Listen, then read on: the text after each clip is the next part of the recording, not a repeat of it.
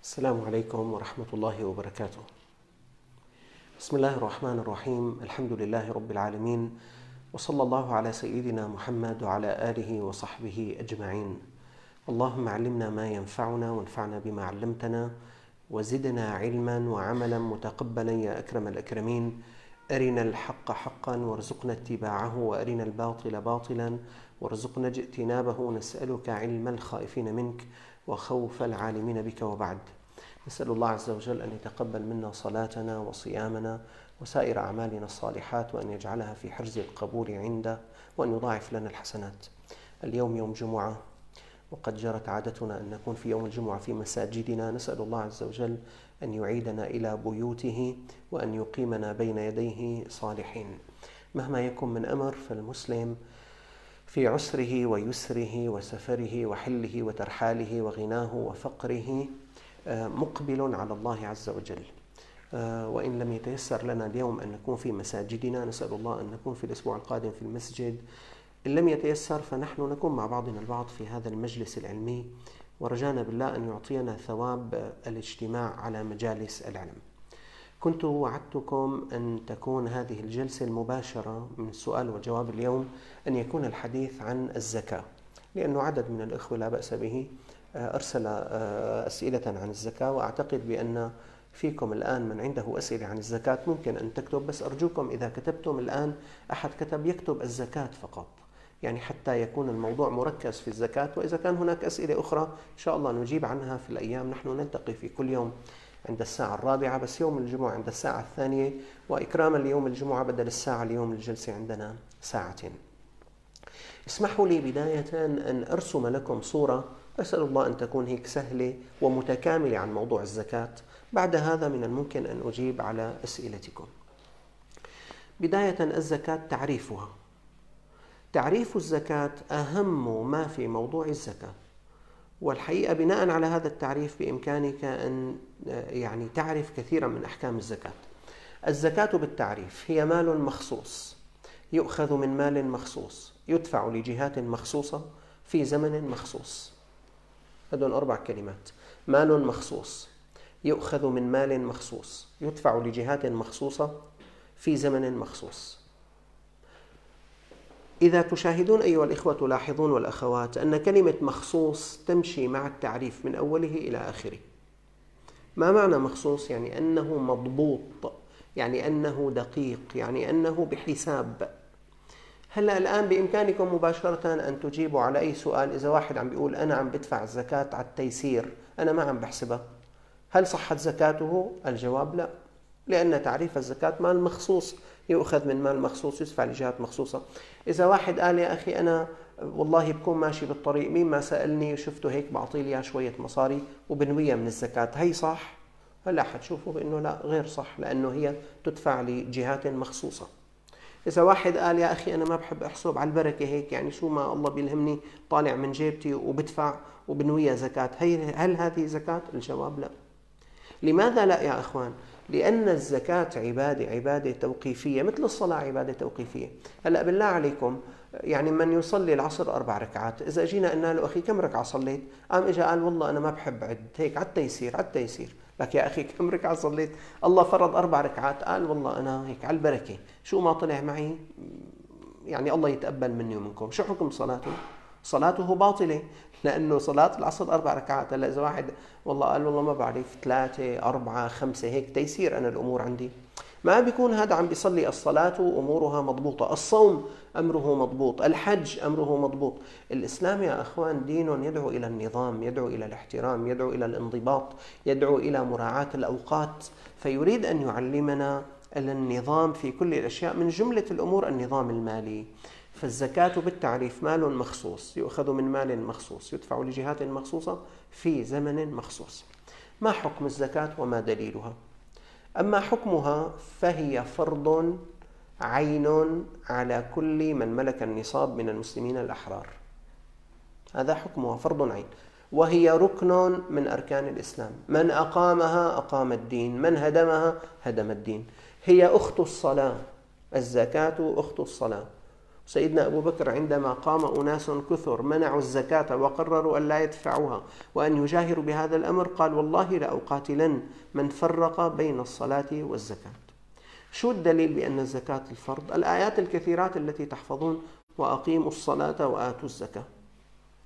بني الإسلام على خمس شهادة أن لا إله إلا الله وأن محمد رسول الله وإقام الصلاة وإيتاء الزكاة. فأدلة كثيرة على أن الزكاة فرض. شو معنى فرض يا أخوان ويا أخوات؟ الفرض فاعله يثاب تاركه يعاقب. صار معروف لديكم؟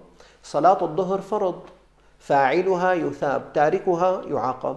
هلا إذا اجى واحد قال والله أنا مو جاي على بالي صلي هيك يعني حاطط بدني ما بدي اجلوا لي اياها شو الحكم؟ هو خالف أمر الله تعالى. وإذا واحد نفس الشيء بالزكاة قال والله أنا مالي متيسر لهالموضوع ومو ببالي هالموضوع ومالي دارسه لهالموضوع. ايموا لي هلا بعدين نحكي بالموضوع. شلون يا أخي؟ شلون؟ هذا فرض فرضه الله تعالى. أصلا معنى كلمة فرض يعني القطع يعني أمر مقطوع به من حضرة الله تعالى. اذا هذا تعريف الزكاة وهذا حكمها ودليله. من الذي يعطي الزكاة؟ مسلم حر ملك النصاب. هلا بنشوف نحكي عن موضوع النصاب. طيب ما المال الذي تجب فيه الزكاة؟ هلا أنا في بجيبتي 2000 ورقة مثلا. عليهم زكاة. حضرتك في بجيبتك 10000 ليرة سوري عليك زكاة. هذه الأخت معها بشنتايتها 100000 ليرة سوري عليها زكاة. هذا الأستاذ حاطط بالمصرف 100 مليون ليرة سوري عليه زكاة. هذا الأخ والله عنده مصمد بمكان في بيته 3 مليون ليرة سوري عليه زكاة. أي المال الذي تجب فيه الزكاة؟ بعدين بيتي كمان بيتي حقه 100 مليون ليرة سوري عليه زكاة. سيارتك حقها 10 مليون ليرة سوري عليها زكاة. أي المال الذي تجب فيه الزكاة؟ ما شروط المال الذي تجب فيه الزكاة؟ حتى تجب الزكاة في المال يجب أن يحقق شروطا أربعة. هلأ جبت لكم أربع شروط. مجتمعة. أي واحد بيناتنا معه مال وحقق الشروط الأربعة عليه زكاة. إذا بيروح أي شرط من هدول الشروط ما عليه زكاة. إيه نعم. إذا مو كل المال عليه زكاة. في مال لابد يحقق شروطا أربعة. تعالوا نشوف ما هي هذه الشروط. رقم واحد أن يكون مملوكا ملكا تاما لصاحبه.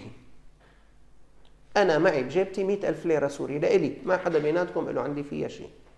معي مليون ليرة سوري لإلي ما حدا له شيء عندي. معي مئة مليون ليرة سوري.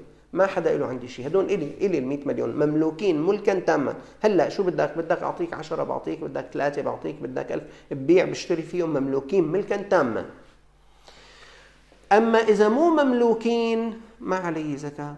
وإذا مملوكين ملك ناقص ما علي زكاة. كيف يعني؟ هلأ إذا أنا متدين منك مليون ليره سوري هلا أنا صح معي مليون ليرة سوري بس هل هن مملوكين ملكا تاما لإلي؟ الجواب لا. هدول ملكك بس حاططهم أنت معي. فهدول أنا صح معي مليون ليرة سوري متدينهم منك بس أنا ما بدفع عليهم زكاة لأنه مو مملوكين لإلي هدول ملكا تاما. هي وحدة.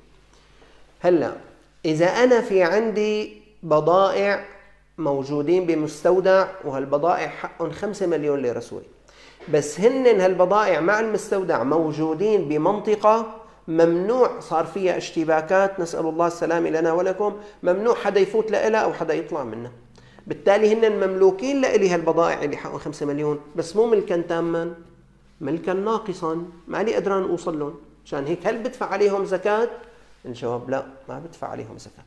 ما بدفع زكاة لحتى يصيروا مملوكين ملكا تاما يعني لحتى أقدر فوت على ذلك المكان وآخذ البضاعة وأتصرف فيها. هلأ صاروا مملوكين ملكا تاما. أما هلأ مملوكين ملكا ناقصا لذلك أنا ما بدفع عليهم زكاة. بدي أسألكم سؤال هلأ الجامع اللي بتصلوا فيه هلأ هذا ما إذا جينا بدنا نبيعه ونشتري فيه قديش حقه هذا الجامع؟ ممكن يكون حقه مليار ممكن يكون مليارين من الليرات السورية. هلأ الجامع عليه زكاة؟ الجواب لا. لماذا؟ لأنه ليس مملوكا ملكا تاما لأحد يعني الجامع لمين؟ لإلي؟ لأبي؟ لإلك؟ لأبوك؟ لأخوك؟ لإمام الجامع؟ للخطيب؟ لل... لمين؟ لخادم الجامع؟ مو مملوك هذا ملك الله عز وجل لذلك ما عليه زكاة طيب هلأ في مصاري بالبنك المركزي في كل دولة في مصاري يعني موازنة الدولة في أموال ميزانية الدولة في أموال موجودة بهذا المصرف المركزي لصالح الدولة ملك الدولة تدفع الدولة عليهم زكاة؟ الجواب لا. لماذا؟ لأنهم ليسوا مملوكين ملكا تاما لأحد. يعني هدول مو مو لحاكم البنك ولا للموظفين اللي عم يديروا هذا المال. مو مملوكين. هدول ملك لكل هذا الشعب. لكنه الآن ما وصل إلى يد واحد منهم. فلذلك ما بندفع عليهم زكاة. نفس الشيء الأموال التي موجودة في الجمعيات الخيرية. هلأ مرات بالجمعية الخيرية في عندهم يا أخي 10 مليون. هلا الجمعيه الخيريه بتدفع الزكاة على هدول 10 مليون؟ الجواب لا لأنهم ليسوا مملوكين ملكا تاما لأحد. يعني هدول 10 مليون مو لرئيس مجلس إدارة الجمعية ولا لمدير الجمعية هؤلاء للناس المستفيدين من خدمات الجمعية بس يعني ينتظرون وقت توزيعها إلى وقت معين. المال حتى تجب فيه الزكاة لابد أن يحقق أربع شروط. واحد أن يكون مملوكا ملكا تاما لصاحبه. واضح الكلام؟ كويس. اثنين أن يبلغ النصاب. النصاب هو عبارة عن مقدار معين. إذا بلغه المال وجبت فيه الزكاة وإذا ما بلغه ما وجبت فيه الزكاة. تعالوا نشوف ما هو نصاب الأموال.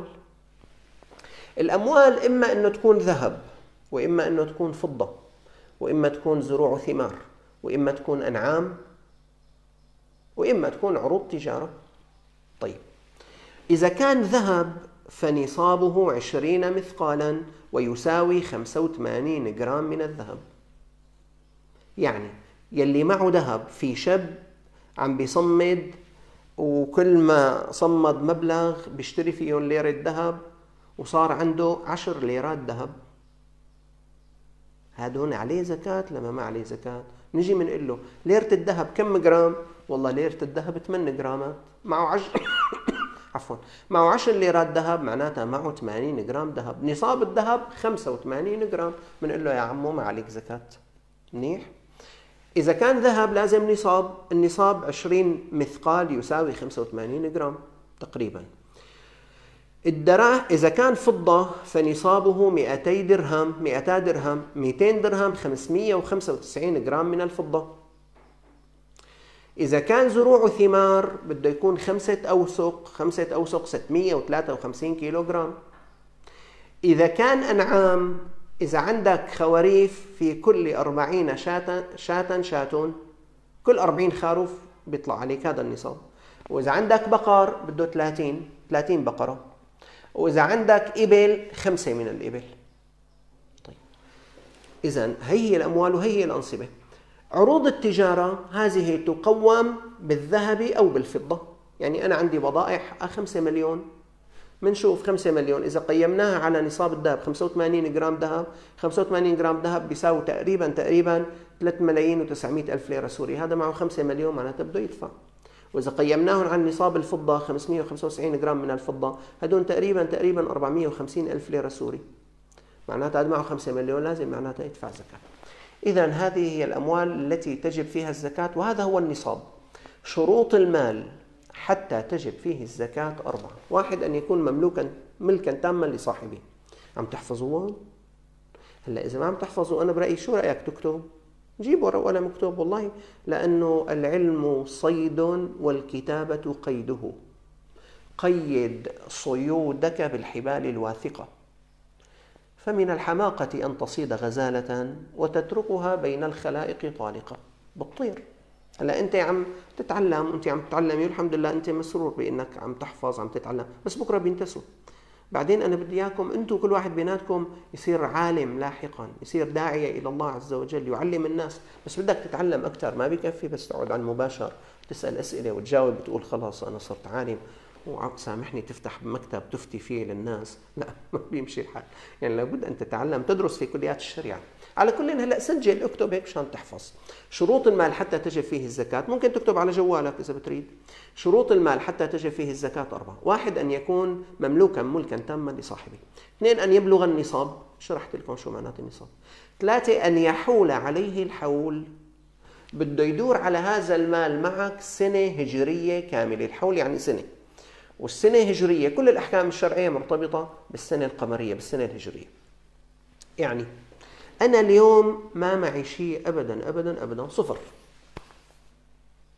بكرة الله بعث لي رزقة في آه، شخص أو إلي قريب بعيد بعيد بعيد مثلا أو في شيء. جاءني إرث يا أخي. جاءتني هدية كبيرة كبيرة كبيرة كثير. طيب إجاني إرث 5 مليون. هدول 5 مليون مال تجب فيه الزكاة. بدفع عليهم زكاة بكرة اجوني ب 10 رمضان 11 12 رمضان. بدفع؟ الجواب لا. بستنى ل 12 رمضان القادم. 1442 بشوف. أنا هلأ معي 10 مليون اجوني ب 12 رمضان القادم بشوف. إذا موجودين ال 10 مليون بدفع عليهم. هلأ بنشوف قديش بدنا ندفع. 2.5% إذا صاروا ال 10 مليون أنا تاجرت فيهم صاروا 11 مليون بدفع على 11 مليون. إذا خسرت أو أو صرفت من 10 مليون صفيوا 9 مليون بدفع على 9 مليون. اذا أن يحول الحول بدي استنى سنة كاملة. اذا المبلغ اللي بيجيني اليوم بدي استنى عليه حول كامل سنة. بس هلأ هون في ملاحظة. هلأ في بيناتنا أشخاص ما معه مصاري. الله عز وجل يرزقه مما عنده. يعني ممكن قريب من اقاربه توفاه الله تعالى اجاء ارث من هذا القريب 5 مليون. اذا هو حيلته وفتيلته هدول 5 مليون ما معه شيء.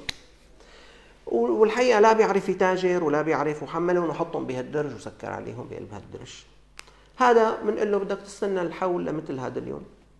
هلأ هو قال بس أنا يمكن يمكن يعني كمان في عندي قرايب ثاني غني يمكن يتوفى بهالسنة. الله أعلم تعبان كثير عم بيقولوا لي. هذا بنقول له أخي أنت لما بيجيك المبلغ بتعير له سنة بتدفع عليه. يعني هلأ معك 5 مليون ب 12 رمضان ب 12 رمضان الجاي. لنفترض والله بذي الحجة اجى 3 مليون ثانيات من هذا قريبه اللي توفى كمان بنقول له أخي أنت بتدفع عن الخمسة مليون الأولانيات ب 12 رمضان وعن الثلاثة مليون الثانيات ب 12 ذي الحجة مثلا إجوا. منيح؟ هذا هيك الناس العامة. لكن في قسم ثاني من الناس التجار أو يلي عندهم محلات أو يلي عندهم عيادات أو يلي عندهم آه شو بدي أقول مكاتب. هدول بنسميه بسموهم الفقهاء تاجر مدير. شو معنات مدير؟ يعني يدور المال في درجه في كل يوم.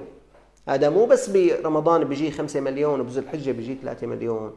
هذا كل يوم كل يوم التاجر اللي عنده محل الطبيب المحامي المهندس هذا كل يوم بفوت لدرجه. 10000 وبيطلع من درجه 8000 بفوت لدرجه 30000 بيطلع من درجه 5000 بفوت لدرجه 100000 بجوز بيوم ثاني بيطلع 150000 بفوت لدرجه 500000 بيطلع 3000 ورقة سوري. شايف؟ عم بدور المال. طيب هذا شو بنقول له؟ كيف بده يساوي الحول؟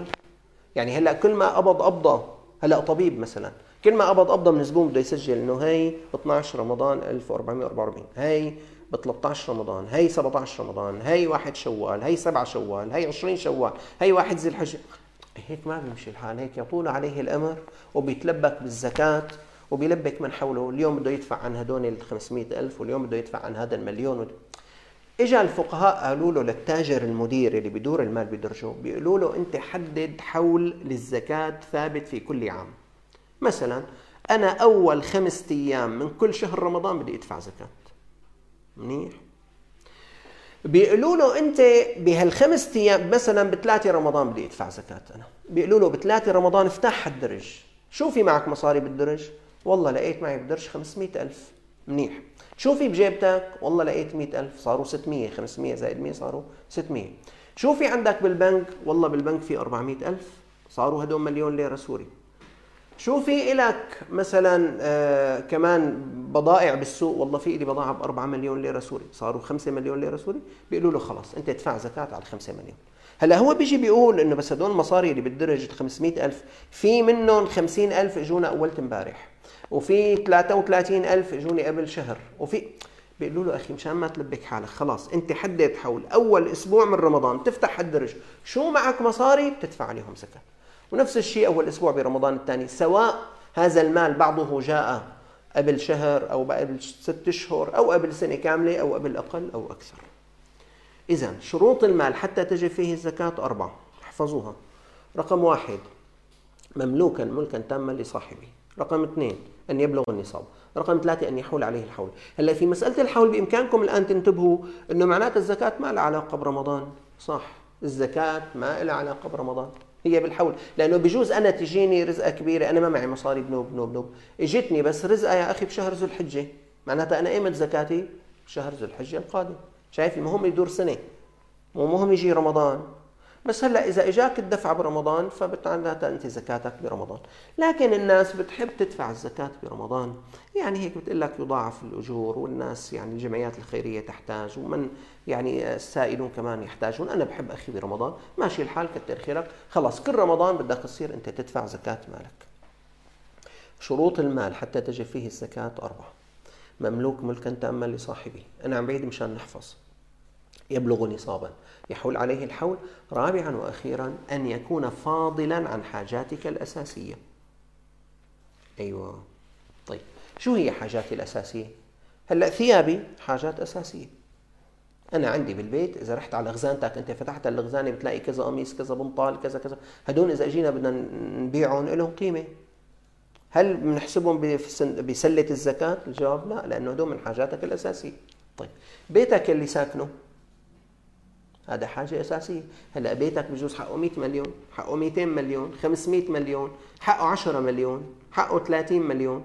إن شاء الله مهما كان ثمنه ما دام بيتك هذا من حاجاتك الأساسية ما عليه زكاة قد ما آه، غلي ثمنه طيب عيادتي اللي أنا بشتغل فيها عيادة هيك حيطان يعني والمكان. هي إذا أجينا بدنا والله نقيمها أه لو كانت ملكي يا أخي هي ممكن تكون حقها 200 300 مليون ما عليها زكاة لأنه من حاجاتي الأساسية. سيارتك اللي بتسوقها أنت لحاجاتك أنت الأساسية يعني لبيتكم عندك سيارة لإلك من حاجاتك الأساسية ما عليها زكاة. طيب أنتم عندكم بالبيت سيارتين وحدة لك وحدة لمرتك ما عليها زكاة من حاجاتكم الأساسية. طيب أنتم عندكم بيتين بيت بقلب الشام وبيت مصيف تطلعوا عليه كل هيك بالصيفية؟ الاثنين ما عليهم زكاة. طيب أنتم عندكم بيت بالشام وعندكم مزرعة. المزرعة حقها ما بعرف مليار ليرة. ما عليها زكاة. يعني المزرعة قصدي هل إنه والله بيت ومسبح وفي أرض هيك. عفوا في خضار يعني جنبه ما عليها زكاة. شايفين الإسلام الإسلام يعني يعطي كل ذي حق حقه هلأ في واحد سبحان الله هيك متعود يعني عنده الله مكرمه ببيت وببيتين لحاجاته الأساسية ما عليهم زكاة. اذا هذه الأربعة يا إخوان هي شروط المال حتى تجب فيه الزكاة. مملوك ملك تاما لصاحبه بلغ النصاب حال عليه الحول فاضلا عن حاجاتك الأساسية هلأ بقى بإمكانك أنك أنت تجيب كمان على مجموعة من الأسئلة بذهنك أو بذهن من حولك. أنه أخي بيتنا عليه زكاة. الجواب لا ما عليه زكاة. أخي أنا معي مئة ألف ورقة سوري عليها زكاة. الجواب لا ما عليها زكاة. ما بلغت نصابا. يا أخي أنا ورثت من جدي قبل ثلاثة أربعة أشهر 3 مليون ليرة سوري. عليهم زكاة؟ الجواب لا ما عليهم زكاة لأنه ما حال عليهم الحول. طيب. هلا الزكاة إذا هي مال مخصوص يؤخذ من مال مخصوص، عرفتوا المال المخصوص هذا إنه شو شروطه الأربعة. طيب قديش بدنا ناخذ زكاة؟ لأنه الزكاة هي مال مخصوص، مقدار معين بدنا ناخذه. قديش؟ الزكاة مرات بتكون 2.5% ومرات 5% ومرات 10% ومرات 20% 2.5 5 10 20 2.5% هي زكاة الذهب والفضة وزكاة عروض التجارة. 2.5% نعم. الخمسة بالمية والعشرة بالمية هي زكاة الزروع والثمار. الزروع والثمار إذا كانت مسقية بعل تدفع عشرة بالمية. وإذا مسقية روي ري عم تدفع فلوس أنت مشان تسقيها تدفع خمسة بالمية. إذا إذا الزراعة بعلية عشرة وإذا مسقية خمسة. طيب يعني هلا أنا عندي أرض عندي مزرعة يا أخي بتجيب لي كل سنة ألف كيلو زيتون. يعني لما نحوش الزيتونات تقريبا بيطلعوا ألف زائد ناقص. عليهم زكاة؟ الجواب نعم عليهم زكاة. لأنه إحنا قلنا نصاب هذا مال مملوك ملك تام. بلغ النصاب قلنا نصاب الزروع والثمار خمسة أوسق 653 كيلو جرام. حال عليه الحول بس الزروع والثمار ما بدها حول فورا. أو وآتوا حقه يوم حصاده لما بحصدهم فورا أنا بوزع منه. اي نعم وفاضل عن حاجاتي الأساسية. طيب هلا أنا بطلع عندي ألف كيلو زيتون.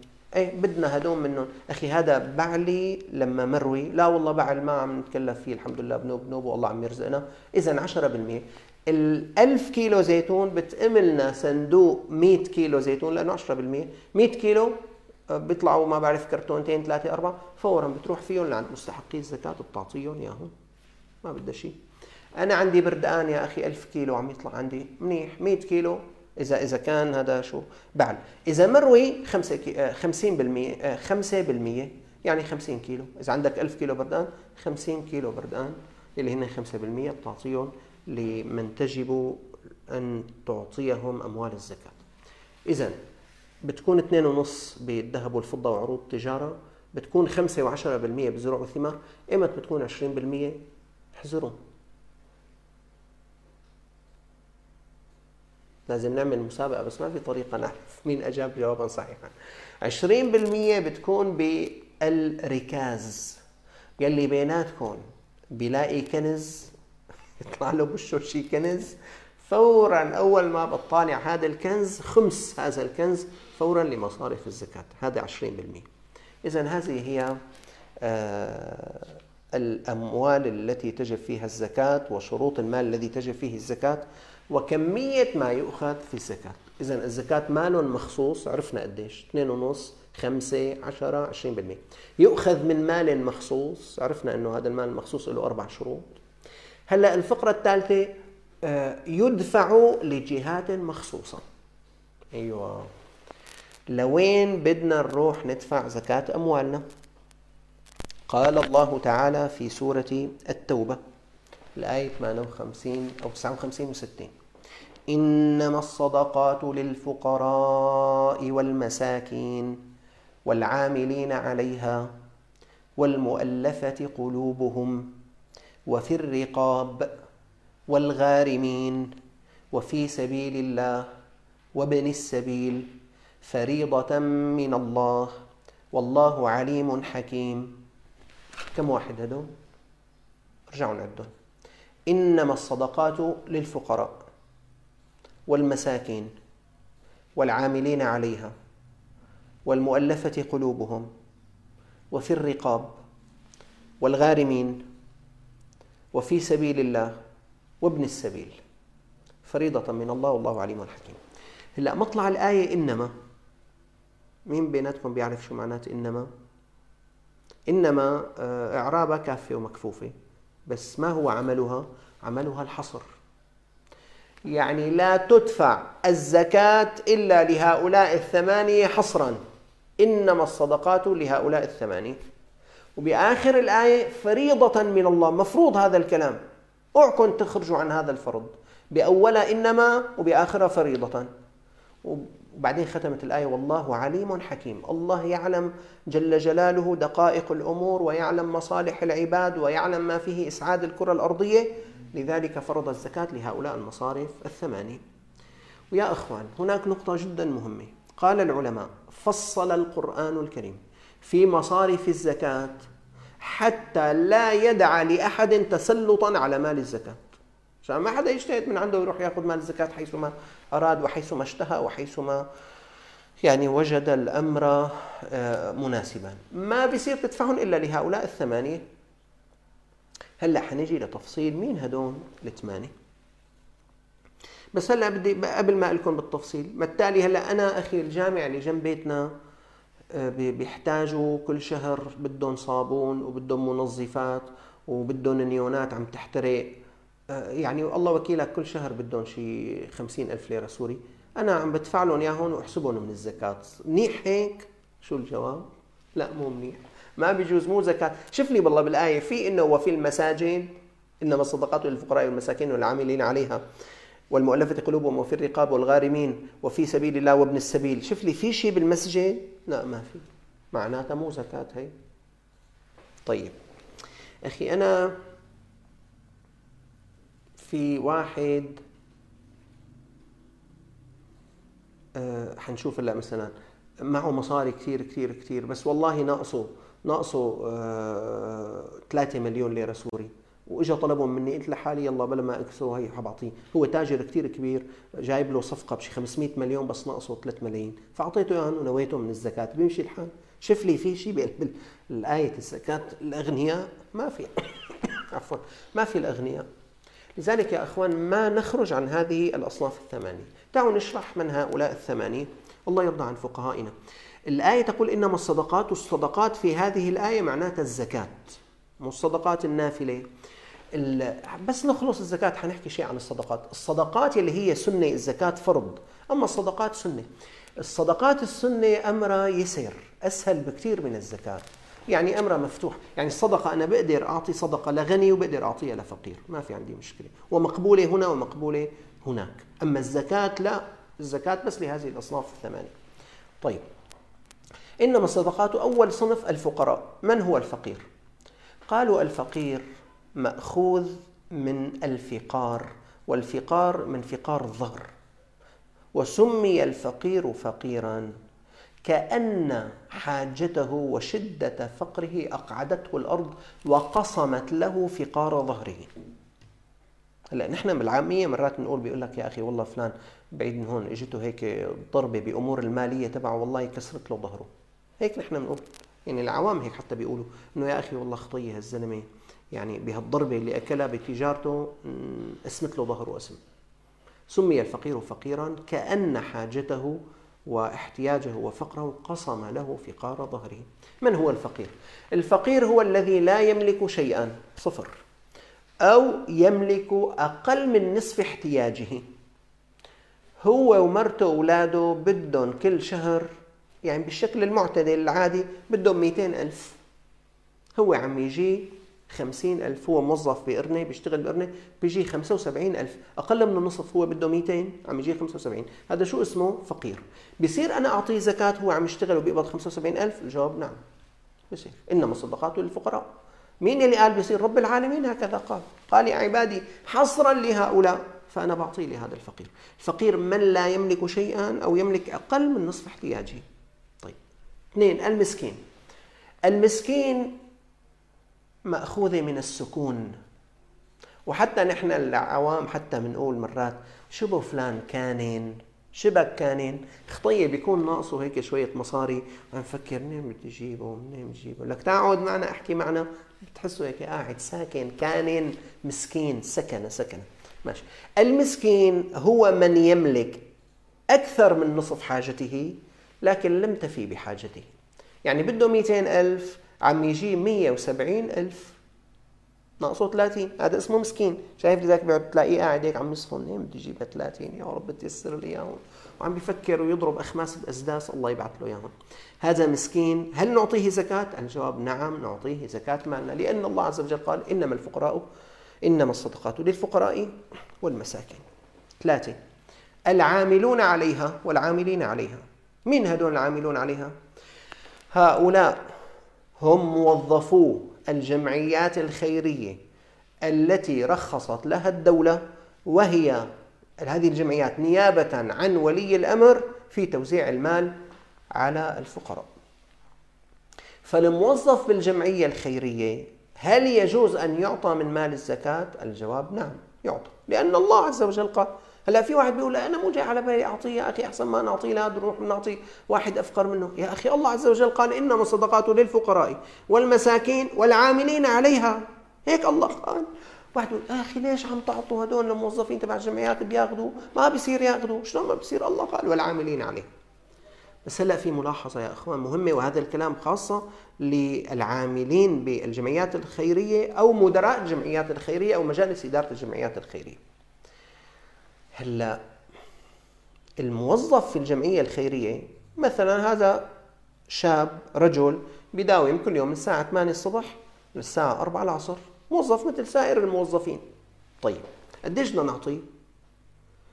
لازم لازم نحن مسؤولين أمام الله عن مال الزكاة. لازم نعطيه كما يعطى نظام الشرائح في المعامل والشركات المتعارف عليها في البلد. يعني الجمعية الخيرية بتجي بتقول هذا الموظف. أخي قديش عمره؟ 30 سنة. شو معه شهادات جامعية؟ معه ليسانس. قديش صار له عم يشتغل عندنا؟ صار له ثلاث سنوات. متزوج عنده أولاد؟ متزوج عنده ثلاث أولاد. في بطبيعة عمله مخاطرة معينة؟ ما في مخاطرة معينة. بنجي بنقسم هيك بنعمل له شريحة وظيفية وبالتالي بنعطيه معاش. بقى هذا له معاش. يعني لو كان ماله موجود بالجمعية الخيرية وراح توظف بشركة إطارات بشركة سيارات بشركة مكيفات بشركة مراوح. شو بيعطوه معاش؟ والله هذا بيعطوه 120 ألف ورقة سوري. أهلا وسهلا. إذا أنا بوصفه بالجمعية وبقول له أنت لك 120 ألف ورقة سوري وبأخذهم من أموال الجمعية التي جاءتني سواء من الزكاة أو من الصدقات. وإذا الله سألني لمدير الجمعية بيقول له يا رب أنا عملت معه مثل ما أعمل مثل ما يعمل معه في أي مكان بشكل عادل. هلا في موظف ثاني هذا معاشه 70 ألف. في موظف ثالث هذا معاشه 300 ألف. على هو هو والله هذا هلا أنتم بتعرفوا بالمعامل والشركات. في موظف بياخذ 70 ألف بس في موظف ياخذ 300 ألف. في موظف ياخذ 500 ألف في موظف ياخذ مليون. ما هيك؟ طبعا بس ما لا تنتبهوا إنه الموظف يلي بياخذ مليون بأي معمل هذا بيجيب 10 مليون. يعني صح بيعطوه مليون. بس مو لأنه يعني حليوة أو عفوا على سواد عيونه. يعني هو بده لما بيجيب لهم 10 مليون بيعطوه مليون بيعطوه نص مليون. أما واحد ما بيعرف يضرب خمسة بخمسة يجي يقول أخي ليش ما تعطوني مليون؟ إيه أنت كتر خيرنا إذا وظفناك. سامحني. فالشاهدي إنه يعني في شرائح وظيفيه هدول مشان العاملون عليه. ومين اللي بيعطيه للعامل عليها؟ مو هو بيأخذ. يعني عفوا في موظف في جمعية خيريه جيت أنا قلت له الله يوفقك حضرتك موظف في الجمعية الفلانية. خذ هال 500 ألف وصل لي أنا والله بدي أدفع زكاتي. قام هو؟ هو بالطريق قال يلا أنا من العاملين عليها وهي 500 ألف تعال أخذ 50 ألف منهم 10000 منهم. والله أكل مالا حراما. أكل سحتا ونارا. هو بيروح بيحط ال 500 ألف في الجمعية. هو له راتب شهري من إدارة الجمعية بياخده. أما هو ما بيمد إيده أبدا أبدا على هذا المال. طيب هلا هون في شغلات.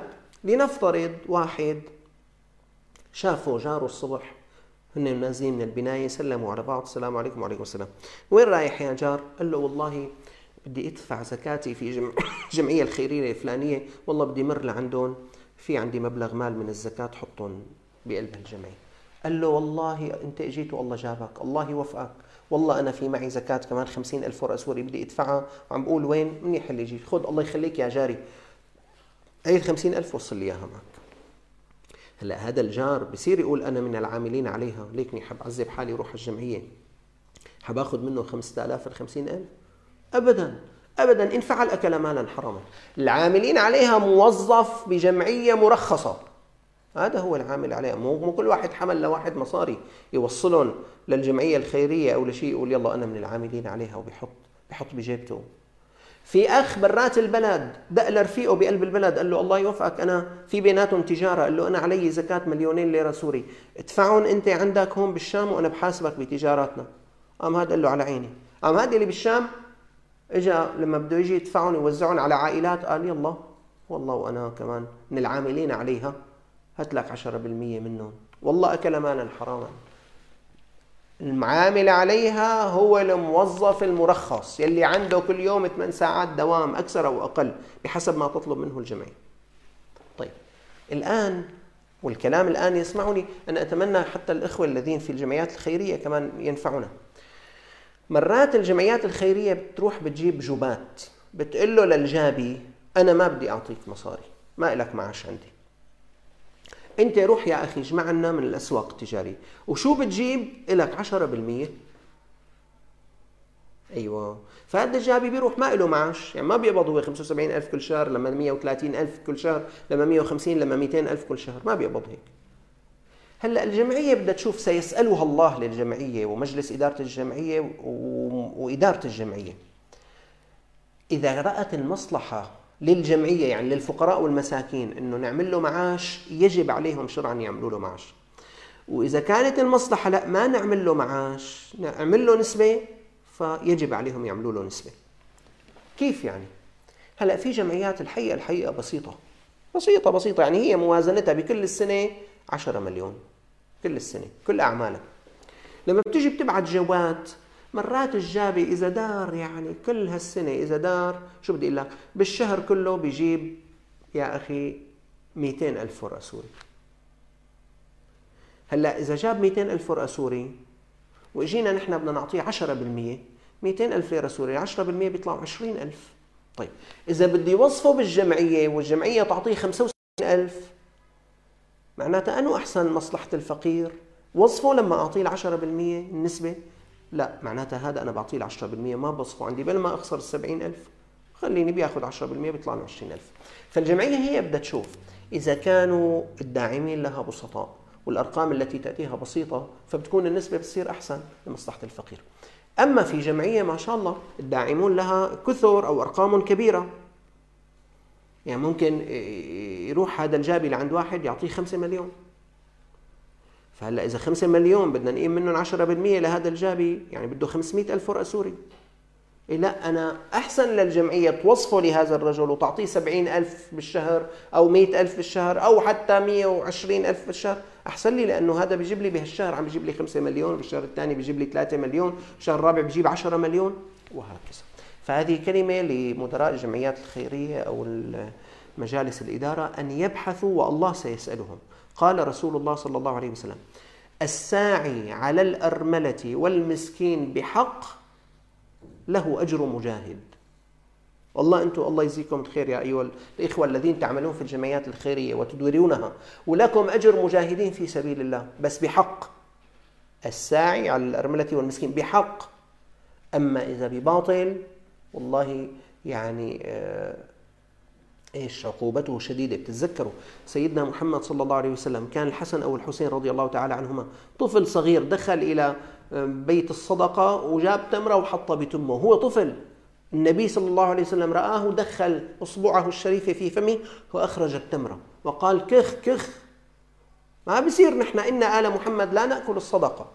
لذلك يا أخوان ديروا تمرة وطفل صغير يعني قديش حقه مو حرام؟ لا مو حرام، ديروا بالكم يا أيها الذين تعملون في الزكاة والصدقات لمصالح الفقراء والمساكين. طيب اذا مصارف الزكاة ثمانية، واحد إنما الصدقات للفقراء والمساكين والعاملين عليها، والمؤلفة قلوبهم. مين هدول المؤلفة قلوبهم؟ هؤلاء جماعة نريد يريدون أن يدخلوا في هذا الدين وتستميل قلوبهم لهذا الدين بس هن الحقيقة بحاجة إلى دعم مادي إذا دعمناهم ماديا بيدخلوا بالدين وإذا ما دعمناهم ما حيدخلوا بالدين. فيقسم لهم من مال الزكاة. بس هذا مين يلي بيقرر هالشغلة؟ مو أنا وأنت بيقررها ولي الأمر. لأنه هؤلاء الأشخاص بده يكون لهم مصلحة عامة بيخدموا فيها البلد بيخدموا فيها العباد بيخدموا فيها البلاد بيخدموا فيها الدين. نعم. رقم خمسة وفي الرقاب يعني في عتق الرقاب تحرير الرقاب. شوفوا يا أخوان الإسلام كل نصوصه التي جاءت في دعم إنهاء نظام الرق. وسع وسع جدا في العتق وضيق ضيق ضيق جدا. في الاستعباد. من أجل أن ينتهي نظام الرق. وقد انتهى نظام الرق في العالم وهذا ما يوافق عليه الإسلام. والآن لا يرضى الإسلام أن يكون هناك أي عبد في الدنيا. هذا الكلام بس عنكم أنتم في البلاد الإسلامية بفضل الله. لكن اعلموا أنه في البلاد التي لا تنتمي إلى شريعة لا, لا إله إلا الله اليوم اليوم يتاجر بالنساء ويتاجر بالأطفال ويتاجر بالرجال ويتاجر بالأعضاء. في البلاد هذه التي تسمي نفسها متقدمة. ويتسلطون علينا وعلى بلادنا وعلى شعوبنا وعلى الشعوب الإسلامية وشعوب الدول العربية. نحن الإسلام لا يرضى أن يكون اليوم أي إنسان يسمى عبد أو أمة. أبدا انتهى نظام الرق في الدنيا كلها. على كل لما كان في نظام رق ففي عتق الرقاب كمان يدفع من الزكاة لأن الإسلام يشتري حرية الناس يجعلهم أحرارا ويدفع من جيبه ومن جيب رجالاتهم مشان يحرروا الناس كلهم من هذا الاستعباد. إذا الفقراء المساكين العاملين عليها المؤلف قلوبهم في الرقاب. والغارمين رقم ستة. الغارم هو المديون.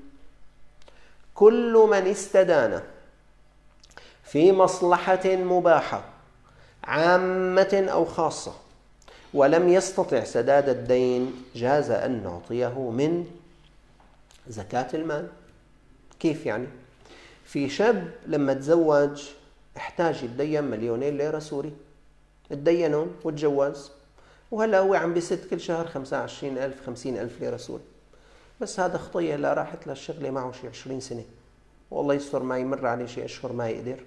بيجي أنا بقول له تعال لك يا ابني قديش عليك دين؟ بيقول والله بقيان مليون 900 ألف ورقة سوري. تفضل. هي مليون 900 ألف ورقة سوري روح سددهم. خاطركم مع السلامة. شايف؟ هذا هذا غارم يعني. بعيد من هون في شخص احتاج لعملية جراحية ب 500 ألف ليرة سوري ما معه اتدين 400 ألف معه 100 ألف عايش وميت لحتى جمع ال 100 ألف. وتدين 400 ألف ليرة سوري. وهلأ على أساس كل شهر بيوفي 10000 ليرة وضعه جدا صعب. بيجي أنا بقول له هي 400 ألف سد دينك هذا غارم لمصلحة خاصة شايف؟ عشان يتزوج أو مشان عملية جراحية لقريبه. هلأ في غارم لمصلحة عامة. شلون؟ مرات بين عائلتين نسأل الله السلامة صار في قتل. فأرادت عائلة المقتول أن تثأر من عائلة القاتل. دخلت وجهاء من أجل الصلح وإيقاف إراقة الدماء. قالوا لهم بس بدنا دية نحن. قالوا على عيننا وراسنا. تكرم لكن لازم هذا أهل القاتل يدفعوا دية قديش تكون دية قالوا لهم 10 مليون.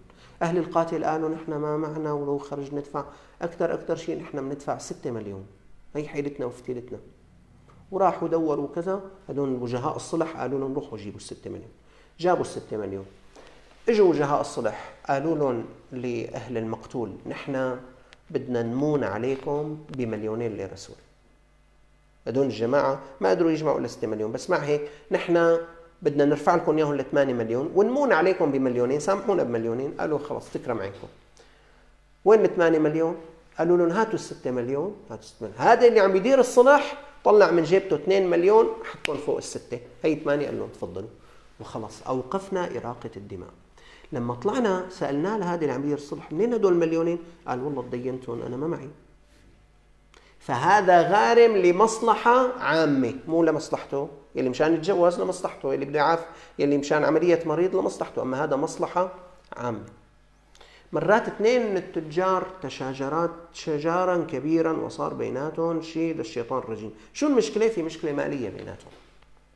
هاد بيقول له أنا إلي معك أربعة مليون هاد قال له أعوذ بالله ما إلى غير خمسمائة ألف وبلش هاد يأذي هاد وهاد يأذي هاد وهاد يعني شيء. جينا دخلنا بهالصلح ما كانوا يتفقوا وبعدين أخي هذا بده مصاري وهذا ما بيدفع مصاري. جينا نحن اللي عم نشتغل بهالصلح قلنا له أبو فلان تعال قال لك أنت بدك 4 مليون أنا بدي مون عليك يا أخي بمليون ليرة سوري. 3 مليون هلأ بدي اخلي لك إياه يجيبون. قال خلص من 3 مليون. رحنا لعند هذاك أبو ال 500 ألف قلنا له أخي تعال قال لك أنا بدي مون عليك بمليون بدل ال 500 ألف أعطيني مليون ونص. قال خلص تكرم عينك يا شيخي أنت منت هي مليون ونص. شايف؟ هلا أخذنا من هذا مليون ونص هذا بده 3 مليون. فتحت جيبتي طلعت مليون ونص ثانيات صاروا 3 مليون. نعم تفضل. هي ثلاثة. يلا تصالحوا خلاص ما عاد في هالمشاكل ما عاد في دعاوى ما عاد في حيتذابحوا العيلتين يعني من قفا 3 مليون ليرة سوري لما طلعنا من الجلسة قلنا له لهالشيخ أنت يا سيدي منين جبت المليون ونص؟ قال والله تدينتهم ما معي أنا بس الناس حتتقاتل تتذابح مع بعض البعض. فهذا يسد له الدين من مال الزكاة المليون ونص. شايف؟ هذا استدان غارم لمصلحة عامة. إذا الغارمون لمصلحة عامة أو مصلحة خاصة آه، بس مباحة آه، عادلة يسد عنهم الدين. بس هلا بدي انتبه شغلة. في واحد بتدين مشان يشتري جوالات فخمة وبيرجع ببيعها بسعر زهيد. رد بيتدين صار مدي... صار عليه دين شي مليون ليرة من قفا ما بيتدين لي مشان شغلات. هذا سفيه. ما بصير نعطيه مصاري لأنه هلا بعطيه مصاري رد بيستمر بهذا الأمر. صحيح هو استدان في أمر ليس يعني آه، إنه مو عم يشرب فيه خمر بس أوقع نفسه في حرج وأوقع من حوله. فهذا الحقيقة بده مين يدربه يركز له عقله كيف ينفق نفقة صحيحة. طيب اذا فقراء مساكين عاملين عليها مؤلفة قلوبهم وفي الرقاب والغارمين رقم سبعة وفي سبيل الله يعني المجاهدون في سبيل الله يعطون من مال الزكاة ورقم ثمانية وابن السبيل. ابن السبيل هو الإنسان المنقطع في بلدنا لا يستطيع أن يصل إلى بلده ما عنده مال. واحد. هذا كان في القديم كثيرا. هلا الواحد لو اجى على البلد وانقطع هون بيقدر يدق تليفون لقرايبينه بذلك البلد بيبعثوا له مصاري. بس مع هيك في ناس مرات بينقطعوا بمكان وما عاد معهم مصاري. فهذا ابن سبيل. أنا بقدر اعطيه ما يوصله إلى مأمنه إلى مكان أهله. اذا هذه يا إخوان مصارف الزكاة. إذا الزكاة مال مخصوص. آه، يدفع مال مخصوص يؤخذ من مال مخصوص يدفع لجهات مخصوصة في زمن مخصوص. شو هو الزمن المخصوص؟ حكينا عنه الحول. طيب هلأ عندي عنوان وأنا قربت أخلص إذا أنتم أسئلتكم آه، عم تجهز. لمن لا تصرف الزكاة؟ مين ما بيجوز تعطيه الزكاة ولو حقق؟ واحد من هدول الثمانية. يعني لو كان فقير ولو كان مسكين ولو كان هلأ حنشوف مين هو الذي لا يعطى الزكاة. في خمسة لا يجوز لك أن تعطيهم الزكاة. واحد الغني. الغني ما بينعطى زكاة. أصلا هو ما محقق هدول الثمانية. بس هلأ مرات الغني الغارم. يعني واحد غني معه 500 700 مليون مليار مليارين معه بس والله قال في له ديون تجارية بالسوق. خرج نوفي له إياهم من الزكاة. ما شاء الله حولك معه كذا مليار قايم توفي له ديونه هذا ديونه التجارية كل يوم التجار كل يوم بيتدينوا بيسدوا بيتدينوا بيسدوا فهذا أنا ما ما بوفي له الغني ما يعطى من الزكاة. ولا سمح الله إذا واحد عطى غني زكاة معناتها هي مو زكاة بده يرجع يعيدها. هي شلون بتصير؟ في مواقف. أنا بدي أحكي لكم هالشغلة. في أخ عنده مزرعة بيطلع هو بيقعد فيها هو ومرته وأولاده وفيها مسبح بس فيها فيها أرض وجايب جنينات جايب مزارع. هالأرض ما شاء الله فيها شجر زيتون فيها شجر حمضيات. هاد لما عم تطلع شجر الزيتون والحمضيات هو ميسور جدا. عم يجي يقول له لهالمزارع حبيبي هدول الزيتونات اللي أنت كم كرتونة طلعوا؟ قال له والله يا معلم طلعوا 10 كرتون 20 كرتونة مثلا وهن 1000 كيلو. قال له خير شوف الله يرضى عليك تأخذ كرتونة لبيت أهلي وكرتونة لبيت أخي وكرتونتين لبيت أختي وكرتونة لبيت شريكنا وكرتونه لبيت مدري مين راح وزعهم على العيلة وعيلة العيلة. هلا اجينا قلنا له وين الزكاة؟ قال والله أنا ما اخذت شيء منه أصلا كلهم توزيع راحوا. أنت يا أخي وزعتهم بس وزعتهم على الزناقيل على الأغنياء. أول شيء بدك تطلع لنا 1000 كيلو بدك تطلع حكينا 100 كيلو أو 50 كيلو هدول لمصارف الزكاة الفقراء والمساكين. يعني مثلا أخي إذا كان عفوا المزارع هو فقير أعطيهم للمزارع. الموظفين عندك فقراء أعطيهم. بعدين روح وزع شو ما بدك. أما إذا كل شيء عم توزعه للأغنياء فأنت تراكمت عليك زكاة ولم تنتبه. خمسة لا تصرف إليهم الزكاة. واحد الغني. اثنين القوي المتكسب. هلأ في شاب ما له غني بس البركة قوي وبيشتغل كل شهر بيطلع 500 ألف ورقة 300 ألف ورقة 400 ألف ورقة. سوري مكتفي هو وأمه هو وأمه وأبوه من هذا المال. ما بعطيه زكاة. صح ما معه. ما له مخبي شيء. بس بقال هذا قوي ومتكسب. هلأ هون في ملاحظة. معناتها أنت وعم تسوق السيارة إذا اجى عندك واحد ونقر لك على هالبلور ولا تأخذني الواحد طويل عريض إذا مال على الحيط بهده مثل ما بيقولوا بالشام. قال الله يوفقك صدقة وزكاتك وزكاة أولادك والله يخليك. عمره 30 سنة. هل يجوز أن تعطيه من زكاتك؟ أبدا على الإطلاق. وإذا بتعطيه مو محسوبة بيجب عليك أن تعيدها ليش؟ لأنه قوي. جلد روح يشتغل روح يشتغل أي شغلة. إي نعم القوي المتكسب كمان لا يعطى من الزكاة. ثلاثة غير المسلم لا يعطى من الزكاة. يعطى من الصدقات. أربعة آل بيت النبي صلى الله عليه وسلم. من هم من عائلة النبي صلى الله عليه وسلم أبناء النبي صلى الله عليه وسلم. في شجرات عائلة موجودة إلى اليوم ومعروفة الأسر المنسوبة إلى النبي صلى الله عليه وسلم ومعروفة أسر السادة. هؤلاء لا يعطون من الزكاة. لما؟ لأن الزكاة هي يعني أوساخ المال. فنحن لا نعطي للنبي صلى الله عليه وسلم أو من يلوذ به أوساخ المال. هؤلاء إذا كان فيهم فقير مسكين نعطيه من حر مالنا من مالنا الحر نعطيه. رقم خمسة كل من تجب عليك نفقته لا يجوز أن تعطيه من الزكاة لو كان فقير ومسكين. شلون يعني؟ هلأ زوجتك نفقتها على من؟ عليك.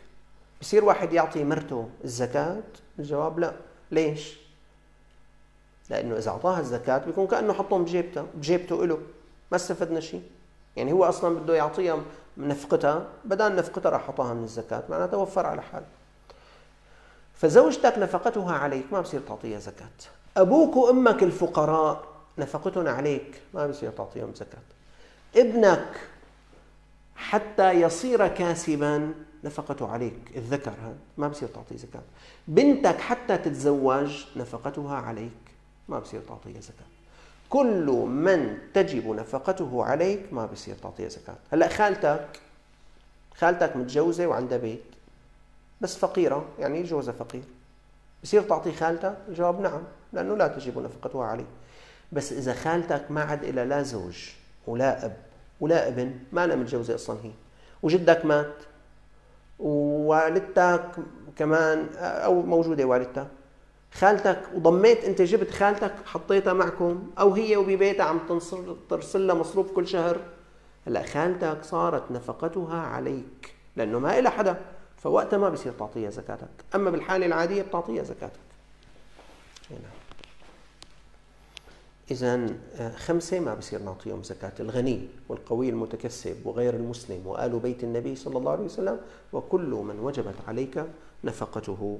عند الشافعية كمان بيقول الأصول والفروع ما بصير تعطيهم الزكاة. الأصول والفروع. يعني ابنك وحفيدك آه، أبوك وجدك وهكذا. كيف إعطاء الزكاة؟ شو طريقة إعطاء الزكاة؟ تعالوا نحكي. شلون أنا بدي أحسب زكاتي؟ أنت بدك تحسب زكاتك شو الطريقة؟ نجي نحن بنقول مثلا أنا أول أسبوع برمضان كل سنة إن شاء الله إن شاء الله بدي أطلع زكاتي. منيح. جيت أنا بجيب ورقة وقلم هلأ أول أسبوع نحن برمضان طلعت شو في بجيبتي مصاري؟ لقيت والله في خمسين ألف سجلت خمسين ألف. والله سجلوه احفظوا هلأ. طيب. فتحت الدرج اللي بحط فيه المصاري فتحت. قديش فيه لقيت مية وخمسين ألف. هي خمسين زائد مية وخمسين ألف ليرة سوري أنا إلي حساب بالبنك اتصلنا على المصرف الإسلامي. قلنا له قديش في بحسابنا؟ قال والله أنت حاطط 2 مليون. كويس. هلا هنيك 200 ألف وهي زائد 2 مليون صار معي مليونين و200 ألف ليرة سوري طيب. أنا عندي بضائع بالمستودعات تبعي لأنه أنا تاجر. قلت له لهالمحاسب اجرد لنا هالبضائع بسعر الجملة اليوم؟ والله ثاني يوم دق لي تليفون قال لي والله يا معلم هدوني 3 مليون. كويس. صار معي هنيك مليونين و200 وهي 3 مليون صار معي 5 مليون و200 ألف. قلت له شوف لي شو في إلي أنا ديون بالسوق؟ مدينين العالم. قال والله في إلنا 800 ألف مع الناس. حيرجعون؟ قال إيه صادقين هدول بيرجعوا ها 5 ملايين و200 ألف. زائد 800 ألف صار 6 ملايين. شوف لي يا محاسب نحن شو متدينين من الناس؟ يعني أنا شو متدين؟ والله يا معلم عليك مليون ليرة سوري دين. ل شو اسمه ورشات وما بعرف شو تجار ومحلات. أنا كان هلأ قبل شوي كانوا قديش؟ 6 مليون. ناقص 1 مليون. شايف هلأ قلنا أصلا إنه علي دين أنا أنا علي دين مليون. هدين كانوا كلهم إلي 6 مليون. ناقص 1 مليون. شو صفي؟ 5 مليون. ها. معناتها أنا كل ما أملكه 5 مليون. الخمسة مليون هدول نصاب عليهم زكاة. قديش زكاتهم؟ 2.5% كل مليون 25 ألف خمس ملايين بيطلع 125 ألف. حسب زكاتي يا سلام. طلع من جيبتي 125 ألف. شو بعمل فيها؟ هلا إذا أنا بعرف فقير مسكين غارم خاصة من أقاربي الأقربون أولى بالمعروف. خاصة من أقاربك ابدأ. ابدأ بالمقا... بالأقارب نسبا وبعدين بالأقارب مكانا. مرات العمال اللي عندك هدول قريبين منك كل يوم بتوشك بوشهم وبتعرفهم فأول شيء أنت معك 125 ألف زكاتك أعطيهم لهؤلاء أقاربك أو شيء اللي بتحققوا بإيش آه، الزكاة هدول مصارف الزكاة. والله نحن الحمد لله عائلتنا منيحة وعمالي مكتفيين ما عندي أقارب. بصير توكل غيرك بدفع الزكاة وهذا ما نفعله لما بنعطي المصاري للجمعية الخيرية. يعني وكلناها بأن تدفع الزكاة. أما بصير أنا حسبت اليوم زكاتي طلعت 125 قلت الله يبعث لي شيء حدا هلا ياخذها مني. قام دق علي الباب واحد قال لي مشان الله الله يوفقك أنا محتاج قلت له يلا يلا. جيت والله جابها خذ أخي 125 خلصنا من القصة تبع الزكاة. هل حسب الزكاة؟ الجواب لا. لأنك ما تحققت. مين هذا اللي دق الباب؟ بركي واحد عفوا عامل عونطه بركي واحد. لذلك ما حسبت الزكاة. لا تنسى إنه مال مخصوص يدفع في زمن مخصوص لجهات مخصوصة يؤخذ من مال مخصوص. اذا هي طريقة إعطاء الزكاة. في آداب للزكاة الفقرة الأخيرة. شو هي آداب الزكاة؟ تعجيلها ما حدا يأخر الزكاة يحرم أصلا تأخير الزكاة عن وقتها. إخفاؤها. ما كثير ما تجي تقول له الواحد هيك تجي خذ أخي هي زكاة مالي روق. انسلق بدنه هو ابن عائلة وكذا هيك يعني كثير أحرجته. أخفيها بينك وبينه لا تتبعها بالمن والأذى.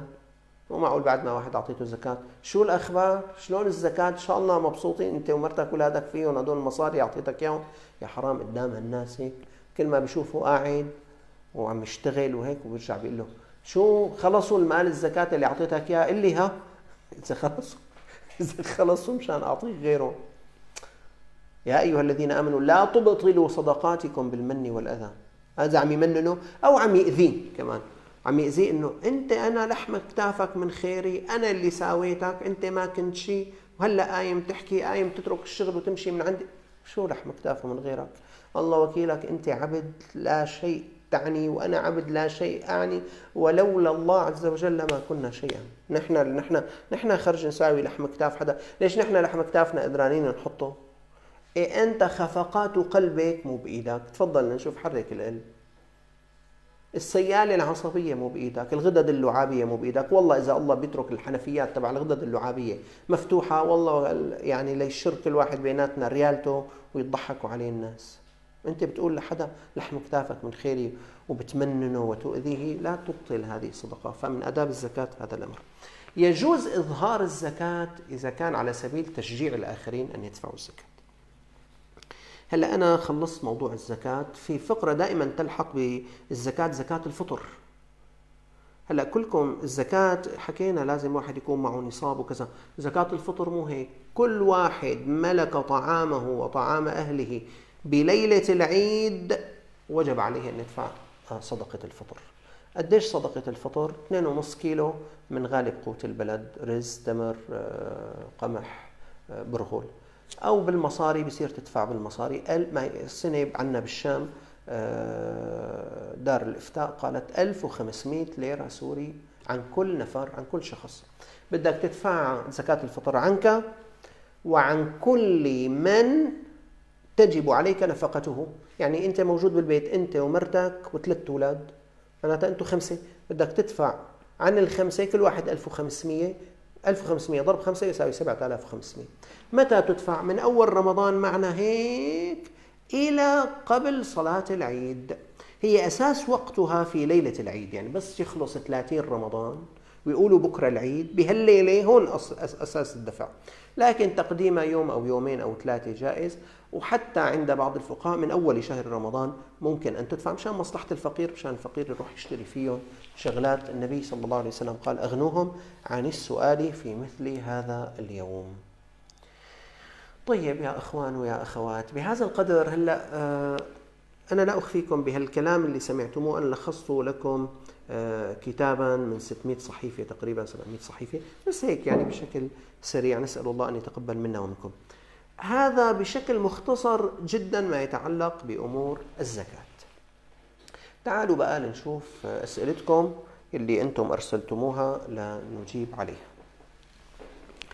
شخص هلا أنا بس بدي لكم شغلة إذا سمحتوا إذا كنتوا عم تكتبوا أسئلة أنا خلال الكلام يعني أجبت على أسئلة متوقعة لبعضكم وبعضكم صار يعرف الجواب على مسألة لا يرسلها يعني مشان نوفر الوقت للآخرين لصالح الآخرين شخص عليه زكاة الأخت فرح تقول ولا يدفع إلا جزءا يسيرا منها وكلما نصحته بوجوب دفعها كاملة نتخاصم بعد الجدال.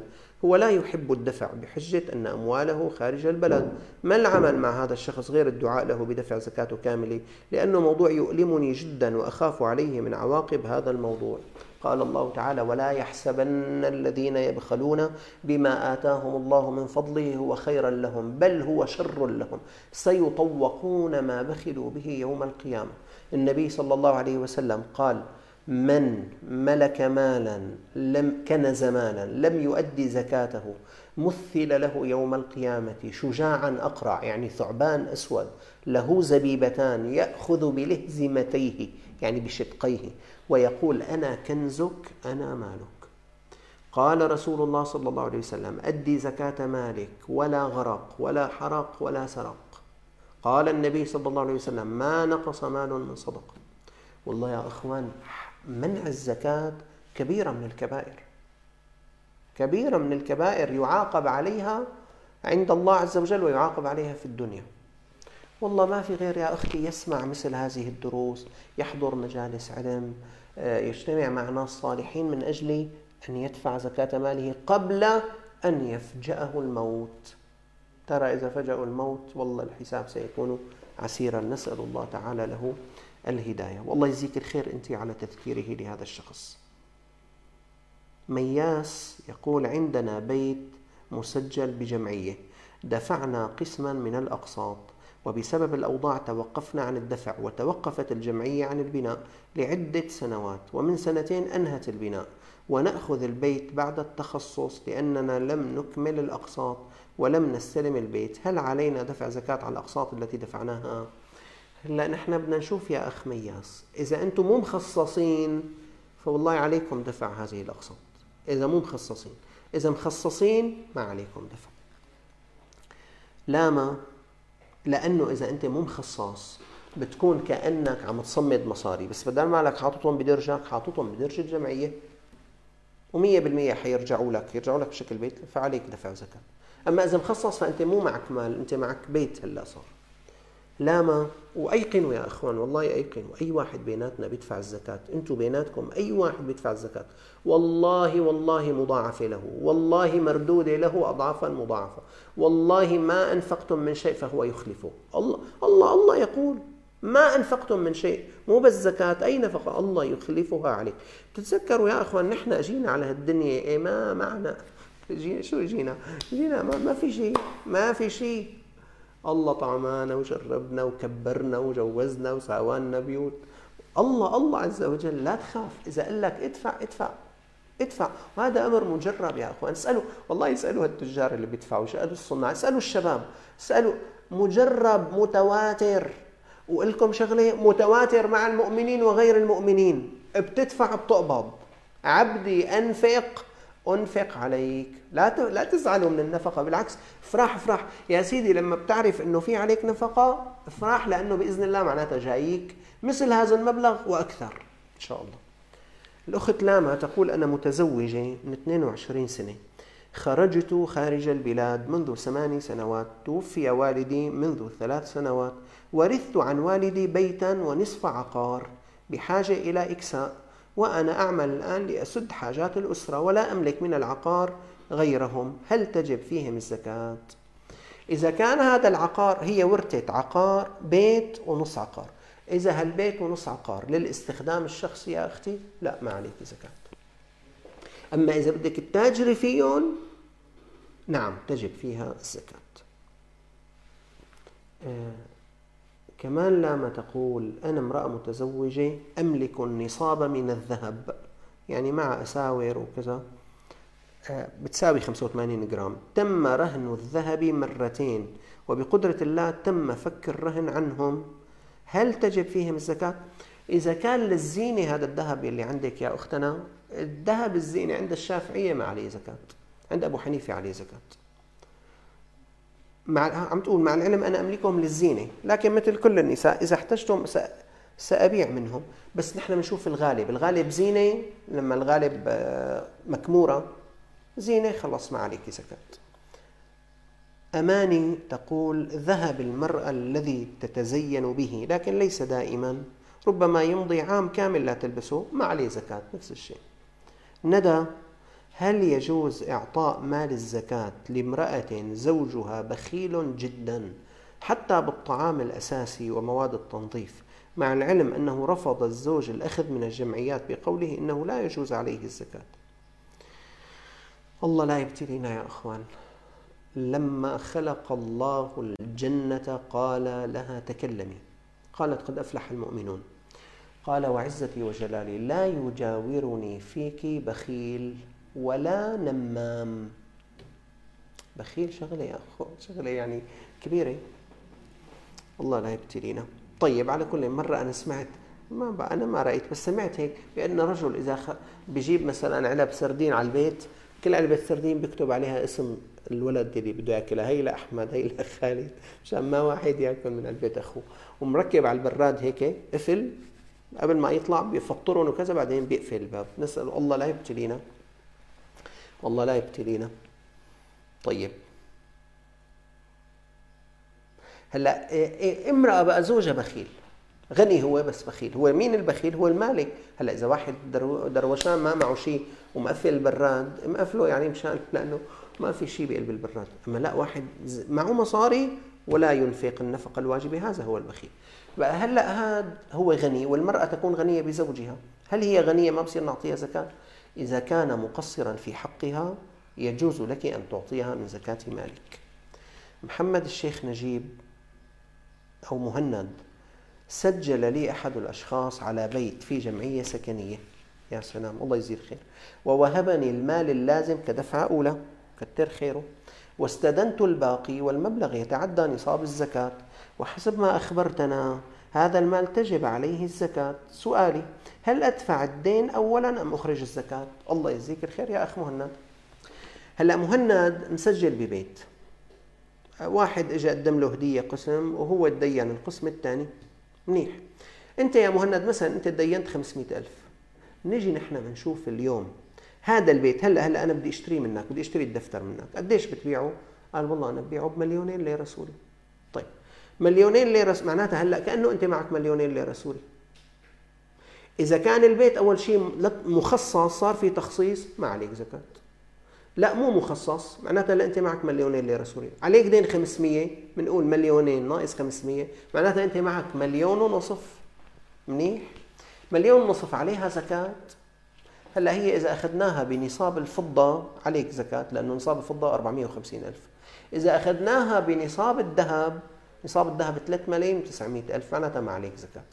فبالتالي أنا بدي أقول لك شغلة إذا أنت دروشان وحيلتك وفتيلتك هالبيت ومثل ما قلت لك القصة مليونين وامنا 500 صفيان مليون ونص لا تدفع زكاة لأنه نصاب الذهب 3 ملايين و900 ألف. وإذا أنت لا الحمد لله ماشي حالكم أموركم ادفع زكاة يا أخي. شو هي؟ على المليون 25 ألف ليرة سوري. طيب. أظن أجبتك يا أخ حتى على فقرات سؤالك يا أستاذ مهند. حسن يقول أنا من غزة أهلا وسهلا. نسأل الله عز وجل أن يتولى أهلنا في فلسطين عامة وأن يكرمنا بالصلاة في المسجد الأقصى جماعة. يا رب وأن آه، يعيننا على طرد هؤلاء الصهاينة الذين يؤذون أهلنا في غزة وفي كل فلسطين. أنا من غزة ولدي يملك شركة بحمد الله طول السنة ينفق على أقاربي من الفقراء لوضعهم الصعب للغاية ولعدم مقدرتهم على تلبية الاحتياج. الله يجزيه الخير. مبلغ قدره 15 ألف شيكل بنية أن يخصمهم من الزكاة من زكاة الشركة من البضاعة في شهر رمضان المبارك. وعند قدوم شهر رمضان بلغ زكاة مال الشركة حوالي 25 ألف شيكل. ينفق عشرة آلاف شيكل ويخصم 15 ألف اللي أنفقهم بالأشهر السابقة عن المحتاجين. هل يجوز؟ والله هذا ممتاز. ما يفعله ابنك هو الصواب صح. عرفتوا شو عم يعمل يا أخوان؟ هو في أسر عندهم بالعائلة ما في عندهم نفقات. هو الحمد لله ميسور بيطلع عليه زكاة كل سنة. عم يجي كل شهر يعطيهم الله يجزيهم الخير رواتب شهرية رواتب شهرية رواتب شهرية. بس عم ينوي انتبهوا ها عم يعمل شغلة إنه هو عم ينوي إنه يا رب هي من الزكاة. هيك بينه وبين حاله. ما بيقول لهم بس هو بينه وبين حاله. هلأ هو جمع خلال السنة قديش آه، أنفق للزكاة طلعوا 15000 شيكل حسب قديش زكاته طلعوا 25000 بقى يعني عليه 10000 بيدفع هلأ 10000 الله يتقبل يا عم حسن منك ومن ابنك ويحميكم جميعا ريمان تقول أنا أدفع الزكاة ضمن السنة بدون ما أحسب بس ادفع بس بدفع منيح بجوز ولا يجب أن أعرف قديش؟ لا لازم نعرف قديش. ليش يا أختي؟ هلأ أنت الله يجزيك الخير هي عم تقول أنا عم بدفع منيح.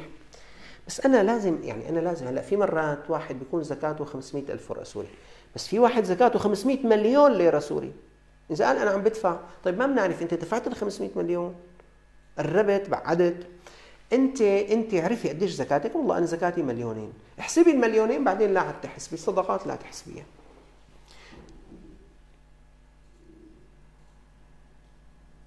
عم بيقول بصلاة التراويح هلا هيك على الهامش عم تحكي الأخت ريمان. بصلاة التراويح هل يجوز ذكر أسماء المبشرين بالجنة بكل ركعتين؟ يعني بيقولوا هن مثلا أبو بكر الصديق ترضوا عنه. اللهم ارضى عن سيدنا أبو بكر. هيك يعني مو أنه نويت أن أصلي لأبي بكر الصديق ركعتين. لا. بس بيقولوا اللهم يعني يدعون للمبشرين بالجنة. هذا أمر حسن. مودي يقول أو تقول لدينا قطعة أرض جرداء من أكثر من عشر سنوات غير مستفيدين منها إطلاقا. هل عليها زكاة؟ كيف أقنع والدي بذلك؟ هلا إذا هالأرض للتجارة يا أخي؟ والله عليها زكاة يا أختنا الكريمة. ماشي الحال. الإسلام يا إخوان عنده حكمة. يعني واحد بيقول طيب ليش عليها زكاة؟ ما عم نستفيد منها بنوب طيب الإسلام عنده حكمة. هي أرض يا أخي ما عم تستفيدوا منها. بيجي الإسلام بيقول لك ادفع الزكاة عليها. أنت بتفكر يا أخي أنا إذا بدي أدفع هاي الأرض حقها 10 مليون زكاتها بدها تطلع 250 ألف إيه أنا ما عم تجيب لي ولا ليرة سوري. بصير أنت بتفكر تأجرها بتفكر تزرعها مشان يجيك أقل شيء تطلع زكاتها. فالإسلام عنده فكر لتحريك الأموال بأيدي الناس. طيب بيعوها هالأرض بيستفيد منها غيركم أجروها عيروها. طيب فراس. يقول ما حكم الزكاة في بيت أملكه وكان بقصد البيع؟ شايفين بقصد البيع لكن نويت وجهزت البيت للإيجار قبل ثلاث أشهر ولكن لم يؤجر بعد. آه، وشكرا قامت مدرسة الأطفال الإسلامية في مدينتي بكندا بسؤال أولياء الأمور لدفع زكاة أموالهم للمدرسة حيث إنها قائمة على التبرعات. هل هذا مصرف للزكاة؟ هي سؤال ثاني. هلأ المهم عنده بيت كان للتجارة؟ بس من ثلاث من حول من سنة من ثلاث شهور قطع نية التجارة وساوى نية أجار ما عاد في عليك زكاة. شايف؟ هلأ بصير الزكاة على الغلة بس تأجره على الغلة. سؤال ثاني مدرسة الأطفال الإسلامية بمدينته قالوا له إنه ممكن تعطونا أبائكم يعطونا زكاة المال. نحن هلأ شفنا وين المصارف تعالوا نشوف المدرسة موجودة هون. إنما الصدقات للفقراء هي مدرسة. مساكين العاملين عليها مؤلفة قلوبهم وفي الرقاب والغارمين. وفي سبيل الله. شو معنات في سبيل الله؟ الجهاد في سبيل الله. هلا أصل في سبيل الله يعني المجاهدون في سبيل الله فقط. لكن بعض الفقهاء قال إذا كنا في بلد وكان الجهاد في سبيل الله يكون بالكلمة أو يكون بالتربية الإسلامية أو يكون بإخراج جيل أو يكون بالكتاب العلم قال بمثل هذه الحالات. وما عم نلاقي لنحقق هذه المصالح إلا من مال الزكاة. يعني ما حدا عم يجي يتبرع؟ قال يجوز. شايف بس هي أمر مضيق. ما نحن بدنا نشوف عنكم بالمدينة تبعكم. في مدارس إسلامية أخرى؟ ولا وجود هذه المدرسة فعلا هو يساعد في نشر الإسلام وخدمة الإسلام وخدمة بالتالي البلاد والعباد عامة؟ إذا كان هيك الله أعلم على هذه الفتوى يجوز. إذا كان هيك هذا هو الوضع. طيب دليل يقول أريد أن أستفسر عن أمر وهو أني أملك بعض الحلي من الذهب لكنه مكسور لا يمكن لبسه وقد حال عليه الحول. فهل يجب عليهم الزكاة؟ إذا أنت رجل دليل يعني أنت رجل آه، فنعم عليه زكاة مباشرة. إذا امرأة والله حتى امرأة بما أنه لا يلبس خلاص تحول إلى ذهب كسر عليه زكاة. أنا عندما أنتهي من قراءة ختمة من القرآن أقول أهب هذه الختمة إلى أموات المسلمين أجمعين. هل ذلك يعني أنه لم يكتب لي شيء؟ يا أختنا الكريمة معقول معقول. أنت أنت كريمة تتكرمين تقولين يا رب هب أموات المسلمين ثواب هذه الختمة الله يجزيك الخير. معقول الله ما يعطيك شيء سيعطيك بعدد أموات المسلمين. الله يجزيك الخير ويتقبل منك. معاذ عم بيقول قمت بتديين أحد الأقرباء مبلغا من المال. لا أعلم حقيقة أنه سوف يرد هذا المال أم لا بسبب الظروف الصعبة. هل يجب علي دفع زكاة المال عنهم؟ مع العلم أن هذا الدين قد مضى عليه قرابة السنتين. منيح. معاذ مدين قرايبه مليون خمس عشرة مليون ليرة سوري مثلا. هو كل سنة بيدفع عنهم الزكاة معاذ بده يدفع ال 10 مليون. بس هلا بان معه إنه هذا قريبه يمكن يمكن ما عاد يرجعون لأنه وضعه جدا صعب. يدفع عليهم معاذ؟ الجواب لا. ما عاد تدفع. إذا أنت متأكد إنه حيرجع لك إياهم لازم أنت تدفع عليهم. إذا أنت متأكد إنه حيأكلون عليك لا سمح الله ما بتدفع. إذا أنت بين بين والله ما بعرف بيرجع أو ما بيرجع ما بتدفع. بس في يوم من الأيام إذا اجى حطهم بإيدك رجع لك إياهم وقتها بتدفع عليهم. فراس بيقول ما حكم الزكاة في بيت أملكه وكان بقصد البيع؟ لكن نويت وجهزت البيت للإيجار. أجبنا عليك يا أخ فراس أبن قليل. إذا حدا عنده مصاري في بنك بدولة ثانية والآن لا يمكن أن يسحب منه شيء وماله معروف مصير هذه الأموال. هل تجب عليه زكاة من تاريخ إعلان البنك عدم قدرة صاحب الحساب التصرف في أمواله؟ شو الجواب؟ لازم أنتم تجاوبوا. شايفين؟ هي حالة الله يزيد خير. هذا هذا صار عنده مال مملوك ملك ناقص. يعني أنا حاطط هالمال بهالبنك والبنك قال لي أخي ما عاد فيه تسحب بنوب شايف أو بتسحب كل يوم مبلغ بسيط جدا زهيد جدا. فبالتالي أنا ما عاد علي زكاة لأنه مو مملوك ملك تام ملك ناقص. بس تقبضون تدفع عليهم. أحمد عم بيقول لو سمحت أنا مأجرة بيتين صغار عم عيش من الأجار. هل عليهم زكاة؟ والأجار ما بخزن منه شيء. الجواب لا. ليش يا حزركم هي أخت عندها بيتين صغار. كل بيت مأجرته مثلا بخمسين ألف مجموعهم مئة ألف. عندها ثلاث أولاد عايشة هي وثلاث أولاد بمئة ألف هل عليها زكاة؟ هي عم تطلع مئة ألف تنفقهم؟ الجواب لا ليش؟ احذروا والله معلش اكتبوا لي ليش بعدين أنا بدي أشوف عشان نشوف هل المعلومات عم توصل صح هل درستم أو يعني فهمتم القصة صح وحدة عندها بيت بيتين مأجرتهم بمئة ألف وهالمئة ألف عم تاكل وتشرب هي ومرت هي وأولادها منهم هدول البيتين عليهم زكاة؟ شو الجواب؟ ما عليهم زكاة. لماذا؟ لأنهم مشغولين في حاجاتها الأساسية. نحن مو قلنا من شروط المال رقم أربعة. أن يكون فاضلا عن حاجاته الأساسية. هي مو فاضلة. يعني المئة ألف هي بدها تأكلهم وتشربهم. عم تأكل وتشرب هي أولادها منهم. فما عليك أختي. الله يبارك لك في رزقك وأهلك. عمار عم بيقول بعض المحاصيل الزراعية لا تحول عليها الحول مثل العدس. الله يجزيك الخير والله يا عمار. للتأكيد الحول في كل شيء إلا في الزروع والثمار. الزروع والثمار ما بدها حول. الزروع والثمار آتوا حقه يوم حصاده. أي نعم في بعض محاصيل أربعة أشهر بيطلع المحصول في بعضها بست أشهر أكثر أقل. ورد الفل عم تقول أنا معي 100 جرام ذهب هن للزينة وهلأ عم نفكر نشتري بيت صغير. بيت صغير لشو؟ للسكن؟ إذا للسكن كمان ما عليكم. هن للزينة ما عليهم هلأ بلشتوا تفكروا تشتروا بيت صغير؟ عيري إيمت بلشتوا تفكروا؟ فكرنا هلأ برمضان معناتها برمضان الثاني عليكم زكاة. إذا كان هالبيت الصغير بدكم تشتروه للتجارة إذا للسكن ما عليه كمان شروق عم تقول أقرضت شخصا مبلغا من المال ولا يستطيع سداده بسبب سوء أحواله. هل أستطيع أن أعتبر هذا المال من الزكاة وأسامحه؟ يا سلام. الله يجزيك الخير يا أخذ شروق هذا سؤال مهم. شروق مدينة آه، قريبة لإلى مئة ألف. باينتها القريبة أعسرت ما عاد يعني مو خرج تدفع بنوك هلأ شروق بالمقابل مع مصاري ثانيات حسبت زكاتها طلعت زكاتها مئة ألف. بصير شروق تدق تليفون لقرايبتها تقول لها أختي أنا سامحتك بال ألف وهي تنويها إنه هي الزكاة. مو أنا بدي أدفع مئة ألف وبدي منها مئة ألف طلعنا خلاص. الجواب لأ يا أختي. لأنه الزكاة يا أخت شروق تحتاج إلى تمليك. ماشي؟ لازم تملكيها. شو بدك تعملي؟ بجوز تعملي شغلة. أنت عليكي زكاة 100000 بتروحي لعندها بتزوريها بتحطي هال 100000 في ظرف بتقولي لها أختي هي هدية مني لك وأنت ناويتيها زكاة؟ هي دفعتي زكاتك خلصنا.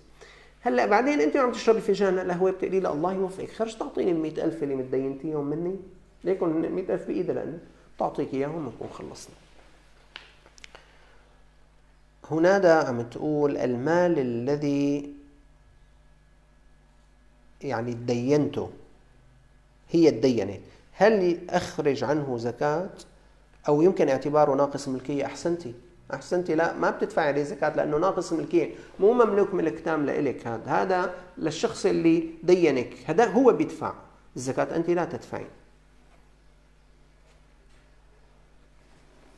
طيب عماد عم بيقول قدم للحصول على الجنسية في بلد معين وشروطهم إيداع مبلغا نقديا إيداع مبلغ نقديا في بنك ببلدهم. ولا يمكن سحب المبلغ والتصرف فيه لمدة ثلاث سنوات. هل على هذه النقود زكاة؟ شو الجواب يا عماد؟ ما عليها زكاة. يعني هو عم بيقول لازم تودع بالحساب بس ما عاد بحق لك تتصرف فيهم لبعد ثلاث سنين. خلال ثلاث سنين خرجوا من ملكك ما لهم مملوكين ملكا تمام بس يرجعوا هناك بتدفع عليهم. هل يجوز تقسيم مبلغ الزكاة على السنة كاملة؟ يعني إذا مليون كل شهر بخرج مئة ألف الله يجزيك الخير. نعم يجوز بس بشرط. يجوز أنك تقسمه لقدام مو لورا. شو يعني؟ يعني أنا مثلا مثلا هلأ اليوم أنا دافع زكاتي هالسنة وخالص. الحمد لله ما عاد علي شيء دفعت. بس هلأ حبيجي كل شهر حبدفع لي مئة ألف. أنا بعرف لأنه تقريبا زكاتي بتطلع لها شيء مليون مليون و300 ألف مليون و200 ألف. فكل شهر بدفع 100 ألف. بيجي رمضان الجاي بحسب إنه أنا قديش صار لك دافع يا محمد خير؟ مليون و200 حسبت زكاتي طلعت مليون و300 إذا ناقصني 100 بدفع 100 هذا لقدام. أما ما بيصير لورا شو معنات لورا؟ يعني هلأ أنا حسبت اليوم زكاتي طلع لازم أدفع مليون و200 ألف. قام قلت يلا كل شهر حبدفع 100 ألف. ما بجوز. لماذا؟ باتفاق الفقهاء. لماذا؟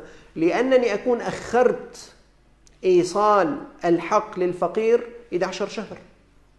لازم أنا أعطيه اليوم مليون و200 رحت اعطيته 100 ألف وهكذا أخرت. امرأة ارمله معها مليون ونصف عم تشغلهم وتأخذ من شغلهم وتعيش بالمال. هل يجوز هل يجوز عليها الزكاة؟ يعني عم تسألي إنه يجب إنه هي تدفع زكاة لما بصير إنه نحن نعطيها أنا أعطيها زكاتي. إذا كانت محتاجة هلأ هي مع مليون ونص عم تشغلهم. إذا الوارد يكفيها هي غنية ما بحاجة إنه أعطيها زكاة. أما إذا لا يكفيها بعطيها الزكاة. طيب هي عليها زكاة؟ الجواب نعم. هي مع مليون ونصف. مو هيك هلأ هي مليون ونص هي إذا كل حيلتها من الدنيا على نصاب الفضة بيطلع عليها زكاة لأنه نصاب فضة 450 ألف. بس على نصاب الذهب 3 ملايين 900 ألف ما عليها. إذا كان الحقيقة حيلتها من الدنيا هيك أنا باخذها هذه المرأة الأرملة لحاجتها لها ما عليك زكاة. أنت ما بتدفعي زكاة وإذا هي محتاجة أنا بعطيها زكاة. آه، يقول أنا في بلد أجنبي ومريض وعندي راتب ببلدي وعندي دخل بأوروبا وسوف أخرج زكاة إفطار صائم على أي دخل أوزعها مع العلم بدي أوزعها بسوريا. بما أنك قاعد بالبلد الأجنبي حسب لنا إذا سمحت كيلين ونص تمر بالبلد اللي أنت قاعد فيها. نحن عندنا بالشام بدهم حقهم شيء 1500 بس عندكم ما بعرف بركي 10000 فبتبعت 10000 إلى سوريا. في حال وضع الشخص يوما معينا للزكاة لماله الذي يبلغ النصاب وحال الحول وجاء موعد الزكاة لكن سائد حالته المادية. هل تسقط عنه الزكاة؟ لا بدنا نشوف. شو معنى سائد حالته المالية؟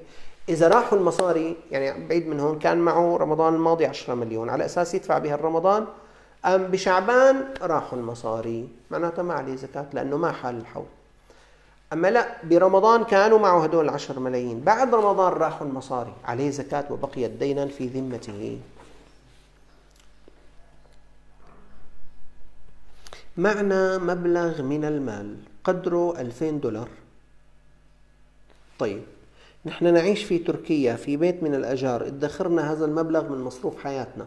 من أجل أي أمر طارئ هل يوجد على هذا المبلغ زكاة؟ إذا أنتم بحبحين ادفعوا عليه زكاة. لأنه على النصاب الذهب على نصاب الفضة بيطلع عليهم زكاة. إذا أنتم في ضائقة لا تدفعوا زكاة لأنه ما بيطلع على النصاب الفضة. ما بيطلع ثمن 85 جرام ذهب. هل يجوز إخراج الزكاة للمال بدل المال طعام للمستحقين؟ الجواب لا. يعني أنا حسب زكاة مالي طلعوا مئة ألف. بصير بهال المئة ألف روح أشتري سكر ورز وبرغل وضيفه للفقراء؟ لا. بدي أعطيهم مال. إلا أن أكون أنا تاجر رز وسكر ومواد غذائية بطلع من المواد التي عندي قمر عم تقول هل يجوز للزوجة إعطاء الزكاة للزوج؟ شو الجواب؟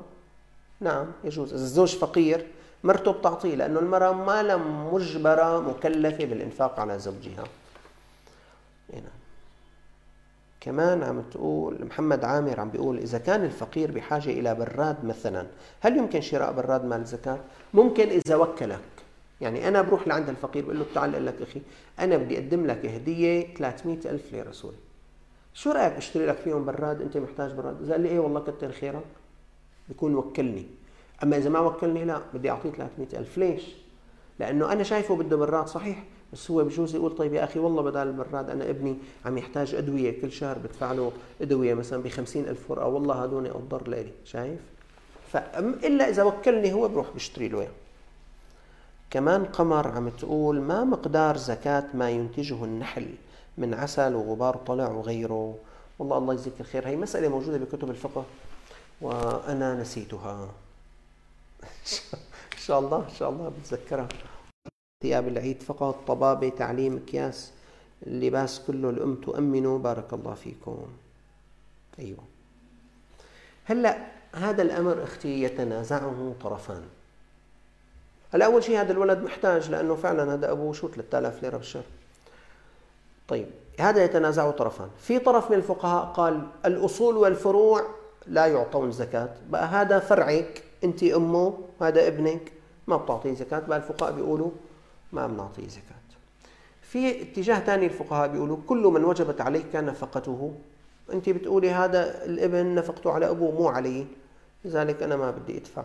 فبهالفقهاء بيقولوا بصير النصيحة النصيحة يا أختي أعطيه من حر مالك لهالولد ولا تعطيه من الزكاة. خلي الزكاة لأناس آخرين مشان نخرج من آه، خلاف الفقهاء. طيب.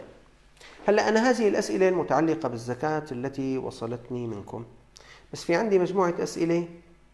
هلا هي منوعة يعني فيها زكاة وفيها مو زكاة. سنستفيد من الوقت لنجيب عليها.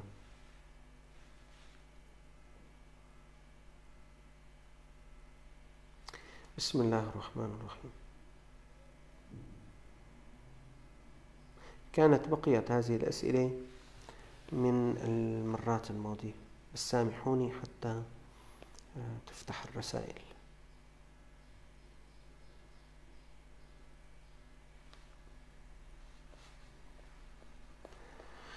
اللهم صل على النبي. آه، في أمر يا أخوان ويا أخوات أريد أن أقوله لكم.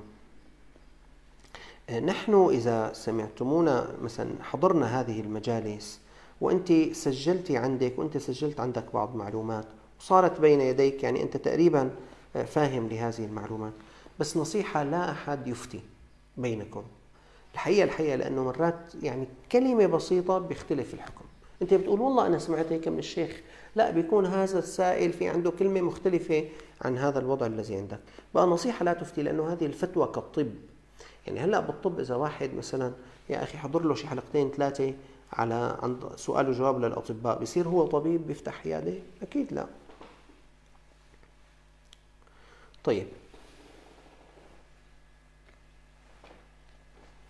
أم محمد عم تقول الذهب الملبوس للزينة عليه زكاة؟ حكينا إنه ما عليه زكاة. آه، الأخت سمر تقول أنا عايشة بألمانيا بجوز أبعث فطرتي على سوريا؟ ادفعها هنيك نعم يجوز. محمد عواد هل يجوز إهداء ختمة قرآن للمتوفى؟ نعم يجوز.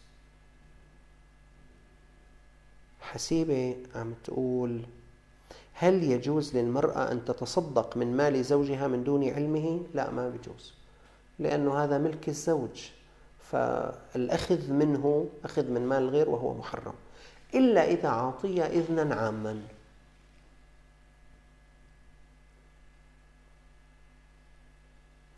عم تقول ربما تخبره أنها تتصدق أحيانا من هذا المال المدخر لكن دون أن تحدد. خذي من زوجك إذنا عاما. هلأ النساء اللي عم يسمعوني. خذوا من أزواجكم إذن عام يعني بامكم عفوا تاخذوا من أموالهم بتخلصوا من هذا الحرج. وإلا بس هلا ما بعرف يعني مو كل زوج بيرضى هذا الشيء فبالتالي كل أخذة بدك تسألي والأحسن ما تاخذي يا أختي. طيب.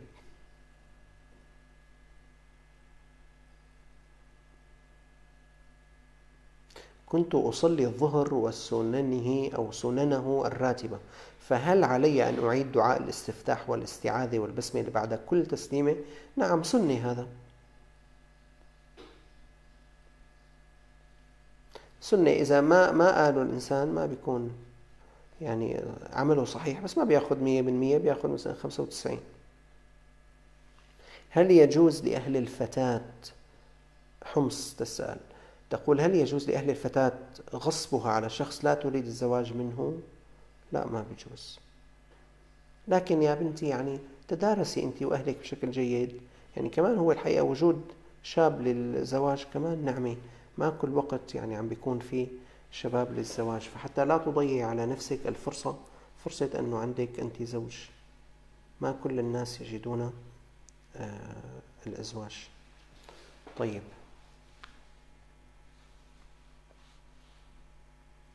سؤال حول النفقة إذا كانت الفتاة زهرة الشام عم تقول إذا كانت الفتاة غير متزوجة تعمل وبإمكانها أن تنفق على نفسها من عملها بهذه الحالة هل يحرم عليها أن تطلب من والدها مالا لشراء ما تحتاجه؟ إيه منيح الله يجزيك الخير. هلأ إذا الفتاة عم تعمل وفي إلى دخل صار صارت غنية، نفقتها على نفسها. فسقطت نفقتها عن أبيها، لا يجب على أبيها أن ينفق عليها. هلا انه حرام تسال ابوها انه يعطيها لا مو حرام هي لها ان تسال وهو يعطيها اذا احب وله بس من باب واجب وحق ما عاد عليه نفقته لأنه هي صارت غنية. الفضل لله أقوم بحفظ كتاب الله الأخت لونا وملتزمة أحفظ أولادي لكن أشعر أني دائما مقصرة وأخاف من الموت. والله يا أختي هذا الخوف وهذا الشعور بالتقصير جيد إذا كان يدفعك للعمل أكثر وسيء إذا كان يقعدك عن العمل. الأمل بالله تقول أنا سيدة أرملة ليس لي معين معي مصاغ ذهبي للزينة فوق النصاب علي زكاة؟ لا لأنه للزينة. مايا؟ هل يجوز إعطاء زكاة المال لأختي مع العلم حالتها المادية وسط؟ نعم يجوز. العبرة مو وسط وجيد وممتاز وضعيف العبرة. عندها حاجاتها التي تكفيها حاجاتها التي تكفيها أو ما عندها. إذا ما عندها أعطيها وإذا عندها لا تعطيها. أنا طالبة في دولة أوروبية جودي قسط الجامعة تدفعه الدولة كاملا كل سنة. هو مبلغ لا يستطيع الفرد العادي دفعه المال يجب أن يرد بعد التخرج لكن بشرط الحصول على وظيفة والوصول إلى حد معين من الراتب الشهري. وإلا فإن التسديد يسقط عنا.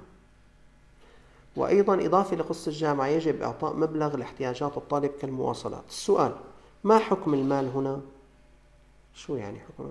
أي كتر خيرها يعني هذه الدولة اللي عم تعطيكي القسط وبس تطلبه منك لاحقا جائز الأول جائز والثاني جائز رحيق مختوم أنا غششت صديقي في امتحان جامعي ونجحت في مادتها هل علي إثم؟ والله الغش عليه إثم اسمع مضى مضى استغفر الله عز وجل واستغفر الله. شام يقول نحن في أمريكا البيوت غالية والأسعار ما فينا نشتري بيت دفعة واحدة والأجار غالي ما حكم شراء بيت عن طريق البنك؟ علما أنه البنك الإسلامي وحسب كلامهم يكون الشراء عن طريق المشاركة أو المبايعة بس ما بنعرف مصداقية كلام. إذا بنك إسلامي فورا اذهبوا إليه. آه طيب. جنات النعيم أنا قريبا سوف أبدأ بتدريب مهني بأحد الأقسام الطبية. للعلم أنا في بلد أوروبي الأقسام الطبية معظمها لها لبس محدد هو كنزة نص كم وبنطلون وفي معظم الأحيان لا يسمحون بارتداء كنزة كم تحت الملابس. وبهذا تبقى اليدين مكشوفة إلى مفصل الكوع أو ما فوقه من أجل التعقيم وعدم نقل الجراثيم. أنا محجبة فما حكم كشف اليدين؟ في هذه الحالة. والله يا أخوانا هو النقطة نسأل الله أن يحمي كل المسافرين والمسافرات هلأ أنت يا أختي بدك تروحي تسألي المركز الإسلامي عندكم. أكيد في طبيبات مسلمات ملتزمات حولكم سليهن عن مخرج إداري مناسب لهذا الأمر. سامحيني هلأ أنا طبيب وأنا بساوي عمليات. أنا فيني غسل إيدي لعند الكواع وبعدين أنا بلبس مريول الخاص بالجراحة. بيمشي الحال يعني مو إنه والله مشان ما يكون جراثيم لازم أنا يعني لازم تكشف عن إيديها المرأة بتقوم بتصير معقمة. أما إذا حطيت هيك بتكون مو معقمة مو صحيح. على كل في كفوف طويلة كمان أنا ممكن ألبسها هيك. أنت يا أختي الله يعينك يعني بدك تلاقي مخرج. والله حرام كشف هذا الذراع حرام. فأوجدي المخرج الإداري تجدينه اسألوا الطبيبات اللواتي سبقوك الطالبات اللواتي سبقنك. ويا أخوان دينك دينك خير من لحمك ودمك. في لحظة حرجة إذا شعر الإنسان دينه يتفلت منه كل الكلية ما بدي إياها وكل السكنة هناك ما بدي وأعود إلى بلادي. لكن أنا أعتقد بأن الإخوة والأخوات الموجودين عندكم عندهن وعندهم حلول لهذه الأمور إن شاء الله. عبد عم بيقول عندي قطعة أرض أريد أن أقيم عليها بناء تجاري محلات كذا. أحتاج لأخذ قرض من البنك التجاري أو العقاري للقيام بهذا المشروع. هل تعتبر الفائدة البنكية هي حصته من أرباح المشروع؟ لا يا أخي. أنت هيك عم تظن بس هو العقد بينك وبين البنك هو عقد إقراض بفائدة. هذا هو العقد الحرام. يا ريت يا ريت ينزل معك شريك. لعل البنك الإسلامي يدخل معك شريك أو أحسن من حتى أوجد شخصا يدخل معك شريك. لا ما عم تقول في كثير من أمور حياتنا نقول عندما نبتدئ بسم الله الرحمن الرحيم. فهل في حالة المرأة كانت في العذر الشرعي لا يجوز أن تقول هذه الكلمة؟ لا يجوز أن تقولها لأنها ذكر على سبيل الذكر. ورد الزوج في قبر طابقين. هل يحق للزوجة أن تدفن في الطابق الثاني؟ نعم يجوز. نجيب عم بيقول يلي بيحب يسأل شي سؤال وما بده يطلع اسمه. فيني يساعده واكتب التعليق أنا. آه كتر خيرك يا نجيب. آه ريان عم بيقول هل يجوز سماع الأناشيد الدينية المصحوبة بالموسيقى؟ والكلمات التي ليس فيها كلام فاحش أيضا المقرونة بالموسيقى. نعم جائز. على خلاف يعني بين الفقهاء. ما حكم عدم اقتراب الزوج من زوجته إلا مرة كل ثلاثة شهور؟ والزوج لا يريد الأطفال لكن الزوجة تريد. هدول مسألتين. أما مسألة الاقتراب فبده يكون برضاه برضاه ورضاها. وإذا ما لم راضية فهو آثم. وأما موضوع الأطفال كمان بدهم يتفقوا هن الاثنين. على الإنجاب أو على عدمه. فإن لم يتفقا فالقول قول الموجب. يعني اللي بيقول بدي أولاد لازم يسمع كلمته. برنسس عم بتقول هل يجوز للمرأة أن تصلي إمامة بأخيها؟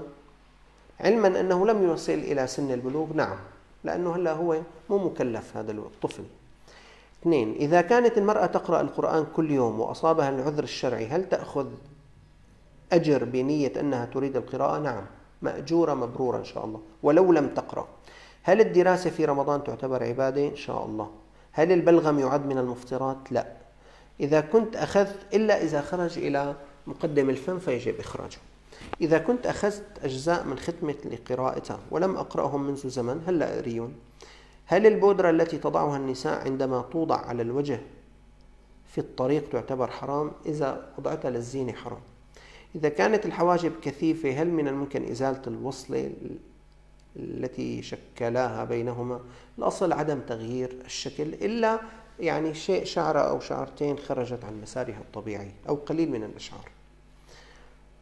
نيمات ما حكم من حال على ماله الحول وتجب عليه الزكاة لكن لا مال لديه لدفعه؟ يبيع يبيع شيئا ويدفع. وإذا ما في عنده شيء يبيع بقي هذا الشيء عالقا بذمته. يعني دين عليه. ليلاس عم تقول أنا أعاني من شغلي ولهلأ ما لقيت لها جواب ولا عرفت. أنا كتير أغار إذا بشوف بنت متقربة من رب العالمين أكثر مني بحس إنه رب العالمين رح يحبها أكثر مني. أحيانا غيرتي بتوصل إني خليها تنسى الصلاة أو تنسى تقرأ القرآن أو تعمل شيء سيء. أنا من غيرتي لما وحدة بتلتزم بطلت أعلمها خوفا إنه رب العالمين يحبهم أكثر مني. رجاء يا شيخ شو هاد وهالشي حرام؟ مية بالمية حرام. علما أنا ملتزمة. رغم هيك بخار شوفي يا أختنا الكريم. الغيرة سببها الرئيس. هي في قسمين قسم محمود وقسم مذموم. الغيرة المحمودة هي التي تدفعني إلى العمل. يعني أنا بشوف رفيق عم يشتغل أعمال صالحة بغار منه بدي أعمل نفس العمل وأكثر منه كمان. هي غيرة محمودة.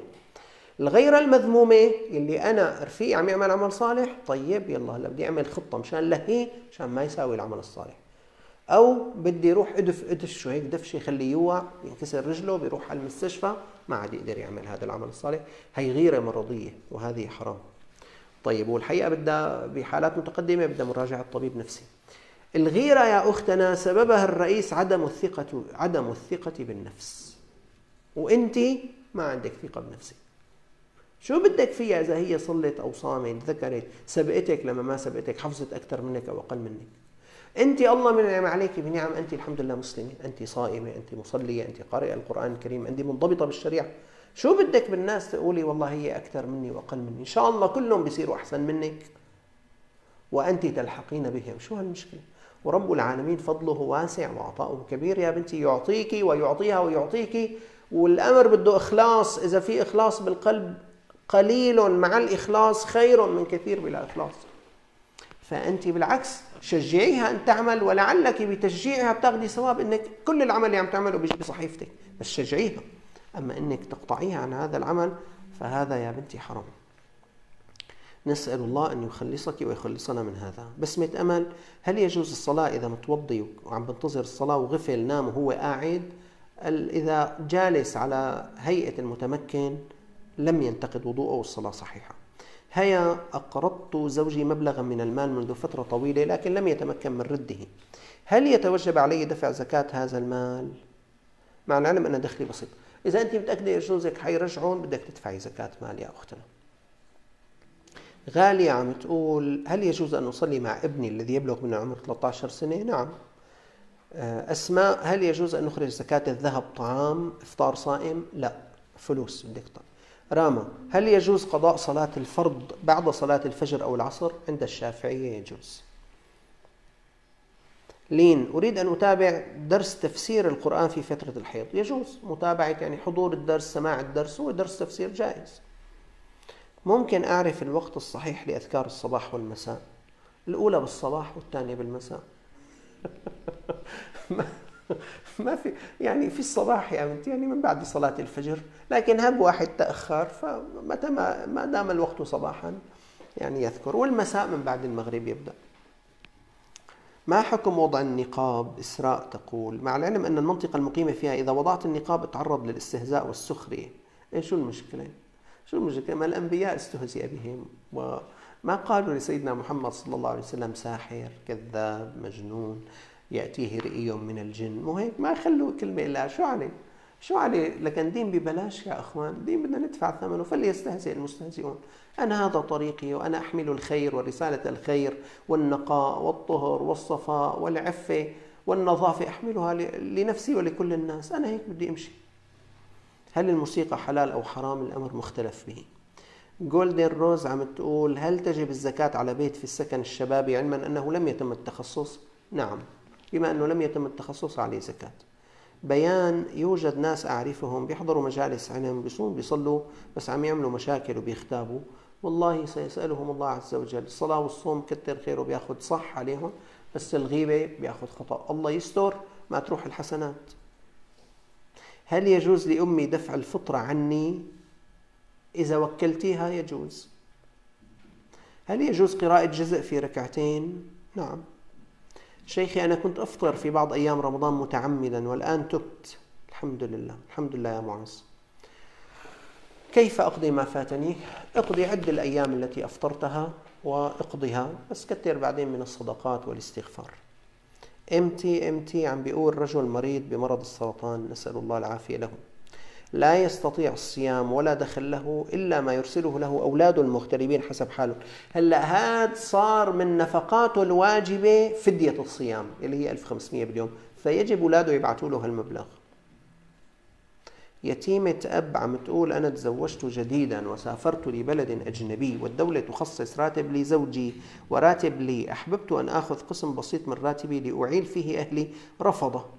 وهذا يحزنني رغم أني أنا من يحث على مساعدة أهله ماديا. فهل أنا مخطئة؟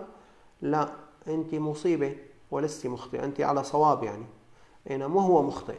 من حقك. هذا المال مالك تتصرفين كيف شئتي. يا شباب يا رجال يا إخوان إذا زوجتك أخذت مال هذا المال لها بأي حق أنت بدك تقول لها هاتيه كله. إذا أرسلت لأهلها ما عم ترضى تبعت. لا يا أخي. سيسألك الله عز وجل ويحاسبك. إذا أرادت أن ترسل لأهلها فلترسل شيئا. بس يا بنتي يعني انت وزوجك هيك توافقوا يعني ما بدنا مصادمة كمان. عمر حاليا أدفع الزكاة في رمضان لكني غير متيقن متى بلغ مالي النصاب للمرة الأولى حتى أستطيع أن أحسب الحول. أخشى أن أؤخر حاليا دفع الزكاة. كيف علي التصرف؟ خلاص. هلا أنت مو دفعت هلأ الزكاة بأول رمضان؟ خلص كل سنة كل عام وأنت بخير. بأول جمعة من رمضان ادفع الزكاة. كيم إم بي عم بيقول حصل طلاق بيني وبين زوجتي. أنا خارج سوريا وهي عادت إلى أهلها مع طفلتي. بعدما أعلمتني قبل عودتها إلى بيتنا أنها لن تعود وستحتفظ بالطفلة وبعدها تم الطلاق. سؤالي ذو شقين الآن. هي تعمل وتمضي وقتها بالكامل خارج المنزل. طفلتي عمرها ست سنين تبقى طوال الوقت مع الشغال الفلبيني. في المنزل طفلتي تشتكي. الطفلة لا يتم الاهتمام بها حتى أن لغتها ضعفت. طيب قمت بدفع تصاريف تعليمها بأفضل المدارس زوجتي لكن لا تدع لي فرصة بالإشراف على تعليمها. شو السؤال؟ ما حكم ما فعلته ما فعلته على أنها ذاهبة للزيارة دون أي مشكلة؟ وفاجأتني. والله إذا كان الكلام يا أخ كما تقول فهذه المرأة مرتكبة للآثام والذنوب والمعاصي طيلة وجودها هنا. سرقت الولد من أبيه. من فرق بين أم وولدها فرق الله بينه وبين أحبته يوم القيامة.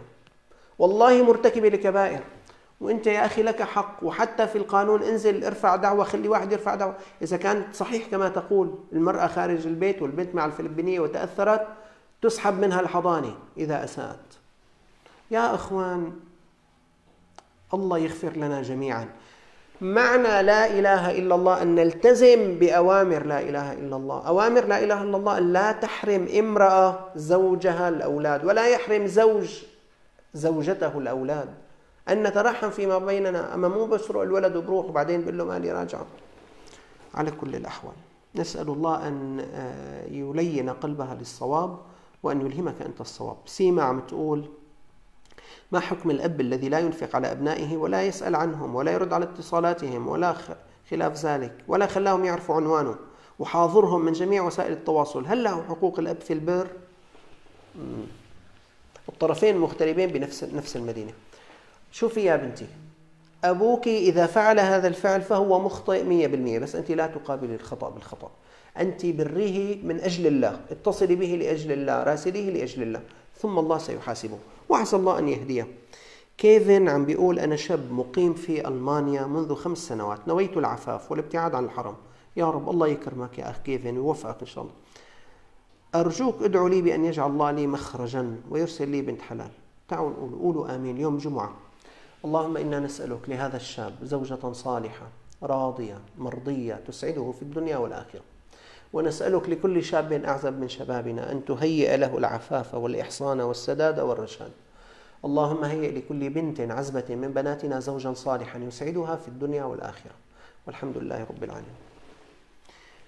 شام عم يقول شاب خطب صبية على أنها بنت بكر وعقد عليها وثبت كتابه بالمحكمة. قبل العرس علم من أهل العروس أنها ليست بنتا بل متزوجة سابقا ومطلقة وكانت حامل وأجهضت مع العلم أن والد العريس على معرفة قديمة. طيب شو بدك تسألني؟ الشاب مرضي لأهله خلوق لكن لم يستطع أن يتحمل الموضوع. السؤال هل العقد صحيح أم باطل؟ العقد صحيح أخي. لكن بما أنه غشوا فيه غش فهو غير لازم. يعني يستطيع من غرر به أن يرفع دعوة بالمحكمة ليفسخ العقد. بس العقد صحيح. بالنسبة للمهر مقدم مؤخر. هل يجب أن يدفعه أم لا؟ إذا استمر بالعقد لازم يدفعوا ممكن يعدلوا يقول لهم طيب أنتم قلتوا لي بكر أنا كاتب بالمهر. مليون بمليون. أما وإن مو بكر بدي أكتب 500 ب 500 بصير. الذهب هل المفروض أن ترده إليه؟ إذا صار طلاق أصلا نعم لازم ترجع كل شيء لأنها غدرت به. آلاء ماذا أفعل إذا نسيت تماما؟ ما إذا صليت؟ ثلاث ركعات أو ركن من أركان الصلاة أو أربعة. ابني على الأقل وجيبي الركعة الرابعة واسجدي للسهو شام هل قراءة سورة البقرة لوحدها لمدة 41 يوم على ماء وشربة تفك السحر؟ والله ما بعرف هالقصة يا أختي. بس قراءة سورة البقرة قال رسول الله صلى الله عليه وسلم لا تستطيعها البطلة. أما هي شغلة 40 و 41 وشرب مي ما بعرف. المتيم عم بيقول أريد أن أسأل عن توقيت الفجر خاصة. هل الأذان على التوقيت الهاشمية صحيح؟ لست أنا متابعا للأمر بس الأصل بأنه صحيح. سام عم بيقول أحيانا أسهو وأسبق الإمام بقراءة الفاتحة. هل تعتبر باطلة؟ الجواب لا. تبطل إذا سبقته بفعل الركني يعني ركوع رفع ركنين كمان بده يكون. لا ركن. معاذ شيخي أنا كنت أفطر في بعض أيام رمضان أجبتك يا معاذ. أمينة نذهب لمصلى المول للدراسة. فيه عند انقطاع الكهرباء في المنزل بالشتاء لساعات طويلة. نأخذ كهرباء من المول لشحن اللابتوب. هل هذا يجوز؟ والله الله يجزيها الخير هالأخت الكريمة. شوفوا ما شاء الله. شوفوا بناتنا وشوفوا أبنائنا يحاسبون أنفسهم على الدقائق. والله الله يجزيك الخير يا بنتي. هلا هو يا بابا هذا مما يتسامح به. إن شاء الله ما في حرج بس مع هيك والله أنت ما شاء الله ورعك عالي سلوا صاحب المول ما بظن بيمانع بهذا الشيء. إذا غشوا الطالب في امتحان الجامعة هل فعلا كل ماله الذي يكسبه حرام؟ لا. بس هو أساء فليستغفر الله. محمد عم بيقول أنا ساكن بسكن جامعي وتعرضت من مزح من الشباب لضربة بالباب انشرط لساني وتجروح وشي ونزل دم كتير عافاك الله. وأنا وعم بتمضمض حسيت نزل شوية مي لحلقي ما بعرف إذا فطرت. لا تتوسوس يعني هو إذا يعني آثار الماء الذي نزل ما عليك شيء بس إذا لا نزلت مي عم تتمضمض تغسل الدم إن شاء الله ما عليك شيء كمان. غفران هل يحتسب راتب الموظف الذي يقبضه من ضمن الأموال التي تجب عليها زكاة المال؟ إذا حال على هذا الموظف الحول لا مو إذا حال على الموظف إذا حال على المصاري. يعني إذا كان عم يقبض معاش ويزيد معه هدول اللي بيزيدوا بيدفع عليه حسان الزيبة صلاة التراويح جماعة مع جيراني في مدخل البناء أفضل أم صلاة جماعة مع زوجتي بالبيت؟ والله كلاهما إن شاء الله خير بس هي الجماعة الأكبر أحسن. أم إسلام أنا مغتربة تابعت سلسلة إيمانيات انتفعت منها بي.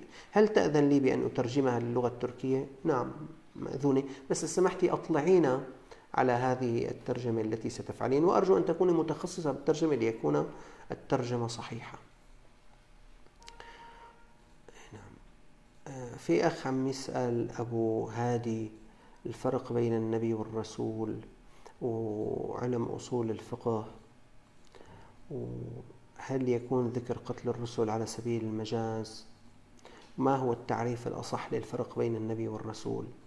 سبحان الله يا أخوان يعني أنا أشكرك يا أخ بس اعتدت وأنا أتمنى أن تعتادوا في حياتي أن يعني يكون آه، بحثي ودراستي واهتمامي بكل شيء ينبني عليه فائدة عملية.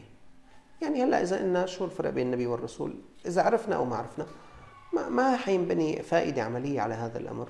فيعني ملء الوقت والصحائف في هذا الشيء. أظن يعني مو ليس ذو أهمية بس يعني في شيء أهم منه. على كل الأحوال قالوا النبي هو من آه، أوحي إليه بالنبوة برسالة النبي الرسول الذي قبله ولم يؤمر بالتبليغ. والرسول من أوحي إليه برسالة جديدة مع التبليغ. والله أعلم. بعض المربيات في المسجد يسمحون لنا بدخول المسجد عند العذر الشرعي. ما بصح يا بنتي لهذا الشيء. طيب أنا يبدو بأنني سأكتفي بهذا المقدار لأن الوقت تداركنا. تعرفوا نحن اتفقنا أنه أنا كل يوم بدي أجيب لكم أسماء الناجحين الأوائل الذين في مسابقة أهل القرآن. بس بتعرفوا بأن الأخ المشرف أرسل لي عبر الجوال هذه الأسماء أسماءكم الأوائل يعني وأنا قرأتها في الصباح الباكر. بس صدقوا نسيت جوالي كله. وما معي الجوال أن أخبركم هذه الأسماء. خلاص بكرة بإذن الله بإذن الله. حبخبركم بأسماء مين كانوا أوائل بمسابقة امبارح الخميس ومين الأوائل إن شاء الله بمسابقة اليوم الجمعة. أسأل الله عز وجل أن يتقبل ذلك مني ومنكم. وكل الشكر, الشكر يا أيها الإخوة والأخوات لإصغائكم. ونسأل الله أن يأجرنا ولا تنسونا من الدعاء عند إفطاركم. وفي هذا الوقت من بعد العصر يوم الجمعة وقت فضيل مبارك أيضا. وعسى الله عز وجل أن يكرمنا نلتقي في المساجد قريبا غير بعيد. وصلى الله على سيدنا محمد وعلى آله وصحبه وسلم. والحمد لله رب العالمين. السلام عليكم ورحمة الله وبركاته.